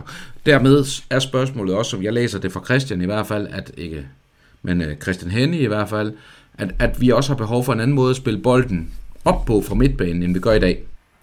Ja, for han kommer jo ikke til at passe ind i sådan, som vi spiller fodbold lige nu. Jeg tror, det er Christian, der har, har øh, Christian i vores panel, der har berørt øh, det her, her lidt i nogle andre podcasts. Altså det her med, at, at Mbappé, hvis vi får ham, han kunne bidrage med nogle andre ting. Det her med at søge, øh, søge dybden og mere søge de her øh, løb bag om forsvar, hvor han får den i dybden. Det har vi jo ikke øh, rigtig nogen spillere, spillere, der gør lige nu. Altså Vinicius og Rodrigo, undskyld, de har farten men de søger den ikke, altså den her dybde på samme måde, de søger mere det brede punkt i banen, ikke også, og så, så er vi jo ikke farlige der, det bliver rigtig, rigtig meget statisk, så det man skal håbe på med Mbappé, det er, at man får det her direkte spil, som du også selv lægger op til, Oscar, ikke? altså, at man får noget mere direkte spil, noget, nogle farlige kontraangreb, som vi jo sjældent ser for Real Madrid nu, efter Ronaldo, han heller ikke er her længere, ikke?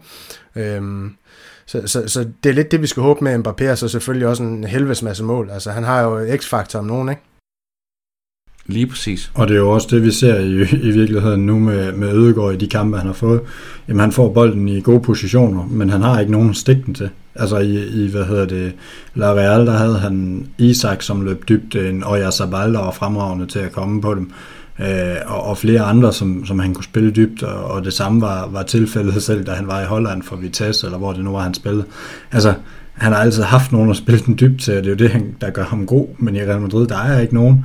Det er jo også derfor, at Hazard han kan komme ind og gøre noget, fordi han har trods alt nogle løb, som, som skaber noget for andre også, når de kommer dybt. Altså, og det af en eller anden grund, så er det som om Vinicius, han, øh, han aldrig vil løbe dybt. Han vil gerne tage et langt løb, når vi er, er sidst i kampen, og forsvaret står højt i banen, men, men altså, han laver ikke det der dybe løb, intelligente løb. Altså, jeg kalder det Igor indløbet, hvor, hvor, hvor man læser forsvaret og finder ind imellem dem, og så kan modtage bolden dybt. Øh, altså, det er der ikke nogen i vores trup, der gør. Mm. Nej, og det er jo selvfølgelig en, øh, en legitim en legitim point og en legitim problematik ved vores, kan man sige, vores nuværende spillere, og det betyder måske selvfølgelig også, at, at det ikke kun er at hente nye spillere ind, det er også, øh, en helt generelt et andet udtryk, vi skal have fra midtbanen op for, at det her det skal kunne lykkes. Øhm, og det skal man selvfølgelig også huske på i alt det her. De herrer, vi er efterhånden ved at nå til, øh, til vejs ende. Jeg har et lille ekstra punkt, som jeg godt kunne tænke os, vi vender, inden vi, vi lukker helt ned. Øhm, og det er egentlig den her Villarreal-kamp, vi har lige om lidt, som, øh, som jeg tænker, nu er vi så tæt på, at vi måske med alle de skader og så videre, vi kender jo, også godt kan komme med et bud på en, øh, på en startopstilling. Men inden vi kommer så langt, øh, så skal vi have afgjort quizzen. Men inden vi kommer så langt, så skal vi også tease for en lille quiz, som vores lyttere har mulighed for at vinde. Det er jo sådan, at øh, Bo Kampmann Valder, øh, blandt andet forfatteren bag øh, bogen Madridista, øh, hvad hedder det, Madridismo, der udkom for nogle år siden, har skrevet en ny bog, der hedder Fodboldfantasi. En fremragende bog i øvrigt. Øhm, vi optog en, en podcast med Bo for en måneds tid siden, som I kan finde i jeres podcast-app. Det er også sådan, at som lyttere har mulighed for at vinde den her absolut glimrende bog, som Bo han har skrevet. Det, I skal fortælle os, det er, når vi nu lægger lytte, hvad hedder det, nyheden op om, øh, om denne her podcast, det tænker jeg formentlig allerede, I har set. Den kommer op på vores Madridista.dk's øh, podcast Facebook-side. I kommentarsporet dernede, der skal I skrive, hvem er Christian, Daniel og Jesper, der vandt quizzen. Hvis øh, ja, Daniel signalerer at redde ham, så det, I behøver ikke lytte længere. Men hvad hedder det, øh, hvis I skriver det ned i kommentarsfeltet, og I svarer rigtigt på det, jamen så er I også med i konkurrencen om en, øh, om en bog, som vil komme, øh, som vil blive leveret til jer med en eller anden øh, dansk pakke, skorstræk posttjeneste af, af, hvad hedder det, af forskellige karakterer, alt efter hvor I bor hen. Måske, som, øh, som Jesper siger, det er et spørgsmål om, hvorvidt den når frem, men ellers så kommer Christian personligt afleveret den til jer. Øhm, så øh, ned i kommentarsporet på, på nyheden her om, øh, om podcasten, og vi kan også være, at vi teaser lidt ekstra for det. Jamen skriv, hvem er Daniel, Christian og Jesper, der vinder quizzen, og så er I med i konkurrencen om, øh, om en bog af Bo Kampen Valter, der udkom for lige omkring et klassiko, så det er sådan tre ugers tid siden, eller noget i den retning. Men øh, inden vi når til den quiz, Jesper, så skal vi afgøre den anden. Det skal vi. Det er simpelthen så godt. Jesper, du skal have et spørgsmål, der giver dig 7 point. Yes. Jeg skal bare vide, hvem er via Real, som vi møder på søndag, hvem er deres topscorer i indeværende sæson? Åh, kunne det være ja, Daniel, du kan stadig Paco. ikke svare på de andre spørgsmål. Kunne det være Paco Alcázar? Det kunne det nemlig, Jesper. 7 point. Jesper, du er i spids. Og jeg går, jeg går også lige ind på topscore-listen, bare lige for at kan hive den hjem. Ja, det er godt, ja. Den, den, den kom rimelig hurtigt, den her. Ja, det Han har scoret fem mål i øvrigt. Så det er det, når man sidder, sidder inde på bold.dk og, og nærstuderer, så, så kommer det. Det er fedt, Daniel, at hver gang nogen andre svarer rigtigt, så har de snydt. Altså, det, det er lidt den der med at råbe ud. Bror, jeg har ingen tiltro til... Prøv at høre, både dig og Jesper, I bruger, I bruger briller. Altså, det er ikke til at se, hvor I kigger hen alligevel. du tror, det er sådan nogle spionbriller? sådan nogle mere indbyggede computerskærm? Ja, men det er helt håbløst. Christian, jeg trykker lige her på, på randomize. 8 point. Hvem dømte Champions League-finalen i 2017? jo, Real Madrid Juventus. Kom nu lidt, Christian. For fanden, vi var på... Nej, vi var ikke på teglværket. Det var, det var over efter. Ja, undskyld. Så øh, kan du den selvfølgelig ikke. Jeg var til 50 års fødselsdag, så jeg lagde sgu ikke lige mærke til dommeren. Fanden, det, hvem der dømte den, det gjorde... Ja, det er et godt, det er et godt spørgsmål. Ja, og du er endda dommer, Christian, derfor jeg forventer, du svarer på det. Ja, ja, men det er, men det, det er dog på, på et lidt andet niveau. Og heller ikke i fodbold, så det hjælper ikke så meget. kan man sige. Øh, jamen, øh, jeg siger ham, øh, hvad hedder han, Shakir, tyrkeren. Det er ham, jeg går med. Jeg mener, det var Felix Bryg. Jamen, det er et godt bud. Så Daniel, det betyder, nu får du spørgsmålet der kan give dig sejren, eller give Jesper tredje sejr på stribe? Jeg ved bare, det er sådan noget med, hvem blev topscorer i La Liga i 1963? Ja, præcis. Nej, det er faktisk 62, det jeg godt vil vide. Nej, og, og, og du øh, får kun et point. Det var Luis Suarez, var ikke? Du får et uh, dommerspørgsmål mere. Hvilken dommer har dømt Real Madrid flest gange i La Liga i indeværende sæson? Og nu trykker jeg lige her på randomize. Du er pt. 2 point efter Jesper. Er du klar? 5 point kan du få. Det betyder faktisk, det hvis nok. du svarer rigtigt, så vinder du. Det ved jeg ikke. Hernandez Hernandez. Det er Monoetter. Ja, øvrigt. til ham. Så øh, Jesper, du er jo efterhånden, at du, du er jo blevet sådan en, en hvad hedder sådan, en dominant faktor i vores quiz. Ja. Jeg, jeg tror, vi skal til at sætte spørgsmålstegn øh, til, til ham, der, der, der laver de her quizzes måske. Øh, Der det vil jeg der med at lægge efter, matchbolde op til Jesper konstant. Altså, efter anden runde, der skal vi måske også kigge lidt på det, vil jeg sige, hvor, øh, hvor det rigtige svar åbenbart ikke er godtaget. Altså, det, det er sådan lidt mærkeligt. øh. Måske skulle vi, måske skulle vi til at lave, øh, lave quizzen lidt anderledes. Man skal aldrig bide hånden, der, der giver en mad. Det ved det, du godt. Er, er der noget, du burde vide om mig, så er det, at jeg tager gerne en magtkamp bare for at tabe den. Jeg hører violiner. Trump og Giuliani i samme person. Det er smukt. Hvem har Men, men inden, det? vi, De inden vi lukker ned for i dag, kære lytter, så skal I jo selvfølgelig nu, som Jesper har vundet quizzen, så skal I skrive Jesper ned i bunden af nyheden om vores podcast. Øh, og så har I mulighed for at vinde den her bogkamp, han valgte bog. Gammelfar vil også blive godtaget som svar. det skal Gammel du da far overhovedet også okay. Quiz Så, så champion. vidt jeg ved, så er der ikke nogen af jer, der laver det her oplæg til den her quiz alligevel inde på Madridista.dk podcast. Så det er der mig, der bestemmer, hvem der skal vinde den bog her. Det jeg Nu fortælle. begynder det. Jeg kan høre det tordner i Nordjylland igen. Ja, det gør. Ja.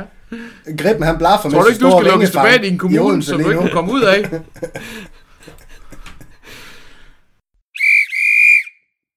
Anyway, inden vi lukker helt ned, så har vi en, øh, en kamp på lørdag mod øh, Villarreal. En startopstilling til den velvidende, at vi formentlig er ude både den, en, uden både den ene og den anden spiller, de herrer. Det er jo noget, vi normalt plejer at lave vores nedtakter, men øh, den seneste nedtakt efter et øh, flot 4-1-nederlag til Valencia, Jesper, som jeg tror, der er meget, vi fik talt, øh, talt helt i bund, der blev vi også enige om, at det var lidt for langt ude i fremtiden at skulle sætte en startopstilling. Det tror jeg, vi havde ret i, når vi kigger på alle de ting, der er sket. Men øh, vi har en målmand, der har scoret selvmål mod Danmark, blandt andet ved en bold, der triller under foden på ham. Er han stadig i spil som, øh, som starter til, øh, til kampen mod Villarreal? Han er der på sanden farligste offensiv kort lige pt, så lad ham der, lad ham der, der får kassen en gang til. Så vi går med, med Courtois på mål, det kan der vel heller ikke være en stor tvivl om. Hvordan ser bagkæden ud? Hvis det står til jer. Jamen, jamen, jamen som, øh, som vært, skulle jeg næsten til at sige, så er du vel styr på, hvem der, er- hvem der er ude, og hvem der ikke er, er ude. Jamen, jeg har okay styr på det spørgsmål, hvem du gerne vil se, Daniel. Vi kunne godt blive enige om, at, at Mangdi på venstre bak, jamen, jeg skal, jeg, jeg skal næsten, har Jesper ikke lyst til at svare på den? Jo, men så, så bliver det Mangdi og Carvajal på bakkerne, og så bliver det Varane og Nacho i centerforsvaret. men, men er vi rent faktisk sikre på, at Varane er klar? Ja, det synes jeg, de seneste bulletiner siger, at, at det bare var en, en mindre skade, som, som ikke øh, kommer til at give nogen problemer. Men så er vi selvfølgelig også tilbage Og til, efter- til det, vi snakkede om i starten, om at, øh, at Nacho trods alt står foran uh, Militao i det store, i det store Ja, forsvarsræs. Militao er jo først lige vendt tilbage efter at have været i karantæne øh, i 14 dage med, med corona, så, så han har jo slet ikke trænet øh, med, med bold i, i Valdebebas, så, så det sætter ham jo lidt tilbage, selvom Nacho også først lige er, er kommet tilbage, men han har dog fået lov at træne øh, med, med sine holdkammerater. Og så vil jeg gerne have Jesper til at sætte, hvem der skal på venstre kanten efter det statement. Christian, du, øh, du lignede en, der vil sige noget. Nej, jeg vil bare, jeg vil bare sige, at øh, det kan godt være, at Militao ikke har trænet med bold, men Nacho han har jo været skadet i stort set 10 uger uafbrudt, så det, altså, så ved jeg ikke, om jeg hellere vil tage ham, der trods alt har kunne stå på et løbebånd, men altså, vi ved jo heller ikke i, i Militaos tilfælde, hvad det, sådan er det jo med de her corona, vi kan jo godt øh, gisne om, at de bare kommer tilbage, som om det var en influenza, men, øh, men altså, Ja, jeg ved det i hvert fald fra spillere herhjemme i andre sportsgrene, at øh, de kan da tabe både 5, 6 og 7 kilo og, og ligge med feber i lang tid, så det kan jo, det kan jo koste voldsomt på, på kondition og så videre, hvis man er ude, og, og det kan vi jo være bange for, at det er sket for for eksempel Militao. Og vi så også, hvad, hvad Ronaldo han, kan, han, han kunne gøre, da han kom tilbage. Ikke? Så, så det er sådan lidt, det, det er jo enten eller øh, i forhold til det her corona. Ja, jamen, det, er jo, det er jo det, jeg mener med, det, det er jo lidt en x-faktor. Vi ved jo, at øh, Hazard for eksempel, han skulle være, han skulle være nogenlunde tip-top og, og have lavet Ronaldo-kuren. Øh, og, øh, og for en gang skyld har holdt sig væk fra køleskabet, selvom han har været meget hjemme. Øhm, men, øh, men Militao er der, har der jo ikke, og det stusser jeg nemlig lidt over, der har ikke rigtig været nogen meldinger om, hvad han egentlig er i for en tilstand, og det, det bekymrer mig lidt, for klubberne plejer at holde netop den slags hemmeligt, når, de, når det ikke er så lovende. Men øh, så har vi en central midtbane Er det øh, tre mand med en defensiv og to centrale, Daniel? Ja, det er det. og, og så er det, Hvem så er spørgsmål, Ja, så er det så spørgsmålet, hvem der, der skal have det. Vi har jo lidt det her, eller jeg vil jo gerne, at vi har det her hashtag, der hedder Gættelej med sit andet, fordi at det, det, er jo en kæmpe gættelej. Altså, det her med, at han starter med Isco mod Valencia, det er jo en farse uden lige, ikke? Øhm, den gumbetum Spanien, han skal have spillet til hovedet, det er jo ka- en katastrofe. Det må jeg bare sige. Men, men Casemiro på Men den defensive. nok om Carvajal. Ja, Casemiro på den defensive. Kroos på den ene, og så må det jo vel blive Modric på den anden, nu når Valverde han, han døjer med sine ting. Ej, det lyder forkert. Når, når, men, men der, er, der er ingen protester fra hverken Christian eller Jesper i den scene. Du... Nå, anyway, det er godt Moses. Um, har de andre nogle indvendinger? Vil de gerne se øh, Ødegaard? Han er eksempelvis også i træning igen. Kunne han være en Isco. mulighed? Eller er det den midtbane, Jesper, der giver mest mening for dig? Ja, det tror jeg, det bliver de tre. Ja. Så øh, var der noget med en venstre kant, Daniel. Du, øh, du fiskede lidt efter hos Jesper, så det skal han have lov til at svare på. Nej, men nu synes jeg, at Christian han kom, kom ham elegant i forsvar, så det kan han jo altid trække på Jesper, men øh, summa summarum, det er jo vel, at det, skal, det er Hazard, der skal starte ud, men det kan Jesper jo selv vurdere, om det er det. Ja, men spansk pres siger jo, at, øh, at det er tvivlsomt, om han når at blive klar til, til den kamp, selvom han er vendt tilbage nu efter corona. Så, og Vinicius er jo ikke blevet træt af at spille kamp øh, med Brasilien, øh, fordi der, der fik han slet ikke øh, minutter. Så Men spansk pres har også sendt uh, Ramos til PSG, så man skal ikke stole så meget på dem. Og er vi ikke ved at være, er vi ikke ved at være trætte af at se Vinicius spille til gengæld, så åh, men det er der jo mange, vi er træt af. Er det faktisk Mariano, der skal have den venstre kant? arriba, Mariano. arriba, arriba. Jo, jo, Jovic Lukas. Jamen lad os, skal, vi, skal vi ikke bare smide den i buljen, så lad os smide Ødegaard på den offensive midtbane, og så øh, Jovic og Benzema op foran. Lad os da få lidt sjov i gaden og prøve noget, vi ikke har prøvet før, øh, uden at det er gået dårligt. Altså, når man kender Zidane, så kan det lige så vel være rigtigt som noget andet. Så jeg kunne sagtens gå med Ødegaard, Jovic, Zidane. Jo, Ødegaard, Jovic, Zidane. Det ville også være overraskende. Ødegaard, Jovic, Benzema i hvert fald. Vi har fået så meget kritik for Nu, nu skal jeg vise, nu går jeg ind og gør det selv. Hvad siger du? Hvis I ikke kan, så gør jeg det. Han er formentlig stadig bedre end Isco. Vi har fået så meget kritik for at udlade, udlade Zidane fra øh, århundrede, eller øh, historiens bedste hold, så nu smider vi ham ja. simpelthen på banen i weekenden. Det kan da være, at han tager en, tager en altså- Castilla-træner med på bænken, hvis det endelig skulle være. Men lad os da prøve den der løsning. Altså, jeg synes da, vi har jo ikke rigtig set andet virke ret godt, og øh, altså, ja, lad os, det kunne da være meget sjovt at se, synes jeg. Prøv at bygge lidt videre på det her. vores evner til at ramme rigtigt Jovic alligevel, som og- uh, hashtag altså- altså. med Zidane, Daniel, så, uh, så tænker jeg, at det ene kan være lige så godt som, noget, som det andet. Jeg synes faktisk, det lyder meget fornuftigt, Christian. Den, den går jeg sgu med også. øh. Det, det vil være lidt nytænkning, og, og, og det vil spille lidt videre på, på Jovic, som, som forhåbentlig kommer ind i en steam for Real Madrid også. Øh, det, det kunne man da drømme om. Så det er det, Zidane. Det gør du. Når du har hørt det her, Zidane, så er du ikke i tvivl om, hvordan du skal stille op. Nej, hvis du har kunne øh, få fat i, hvad vi sagde. Men altså, det lyder jo også til, at øh, det kunne også være, at jeg snart skulle have et vedmål med Daniel om et eller andet igen, men uh, han tør jo ikke efter, uh, efter jeg vandt snøfler sidst med Tør, tør jeg ikke? Prøv at høre, du må, du må kaste bolden op, så skal jeg nok gribe den, og så smaske den i mål. Er det ikke Som- altid taberen, der skal, der skal byde op til dans? Det er, da ikke, det er da ikke sådan, at når man vinder, så skal man komme Jo, men, næste. men problemet er, at der, der er jo ikke ret meget, vi er uenige om lige nu jo. Nej, nej, men derfor kan jeg da godt lige smide det under bussen. Jamen, det, det, det, er jo, det er jo bussen, du flytter, det er jo ikke mig. så det forstår jeg ikke. Åh, oh, for satan, sådan et par 100 kilos nådejyde der, det skal man sgu ikke lege, lege for meget med, du. Par hundrede! Nej, det vil du alligevel ikke sidde over. Nej, det kunne jeg godt fornemme. Men Men øh, ja, det vil Der er sige, alligevel vi går 25 med kilo op i det er. Mangdi, Jeg arbejder på det. Nacho Varane, Casemiro, Modric, Kroos, Ødegaard, Jovic og Benzema. Jamen øh, lad os se, om vi for en gang skylder ham rigtigt. Vi plejer jo, hvis det var en tipskupon, så har vi ikke vundet nogen penge endnu. Lad mig sige det sådan. Det er også svært at få 13 rigtigt i en start 11. Det er rigtigt.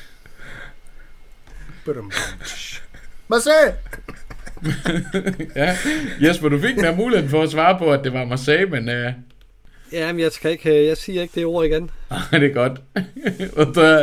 Jamen, øh, lad den øh, sydfranske kystby være, være det, vi lukker på i dag. Det var en, øh, en blandet fornøjelse, men overordnet ganske underholdende at optage podcast med jer. Sådan plejer det jo at være. Vi går et spændt program i møde. Vi går en masse gode kampe i møde også, som kan være, tror jeg uden at sige for meget, sæsondefinerende for Real Madrid. Det bliver en, øh, det bliver nogle interessante måneder at se, hvordan det hele ser ud sådan cirka, øh, ja, når vi har rundet Atletico Madrid i, i midten af december, så ved vi meget mere om, øh, om Madrids mesterskabschancer. Så meget tør jeg godt love.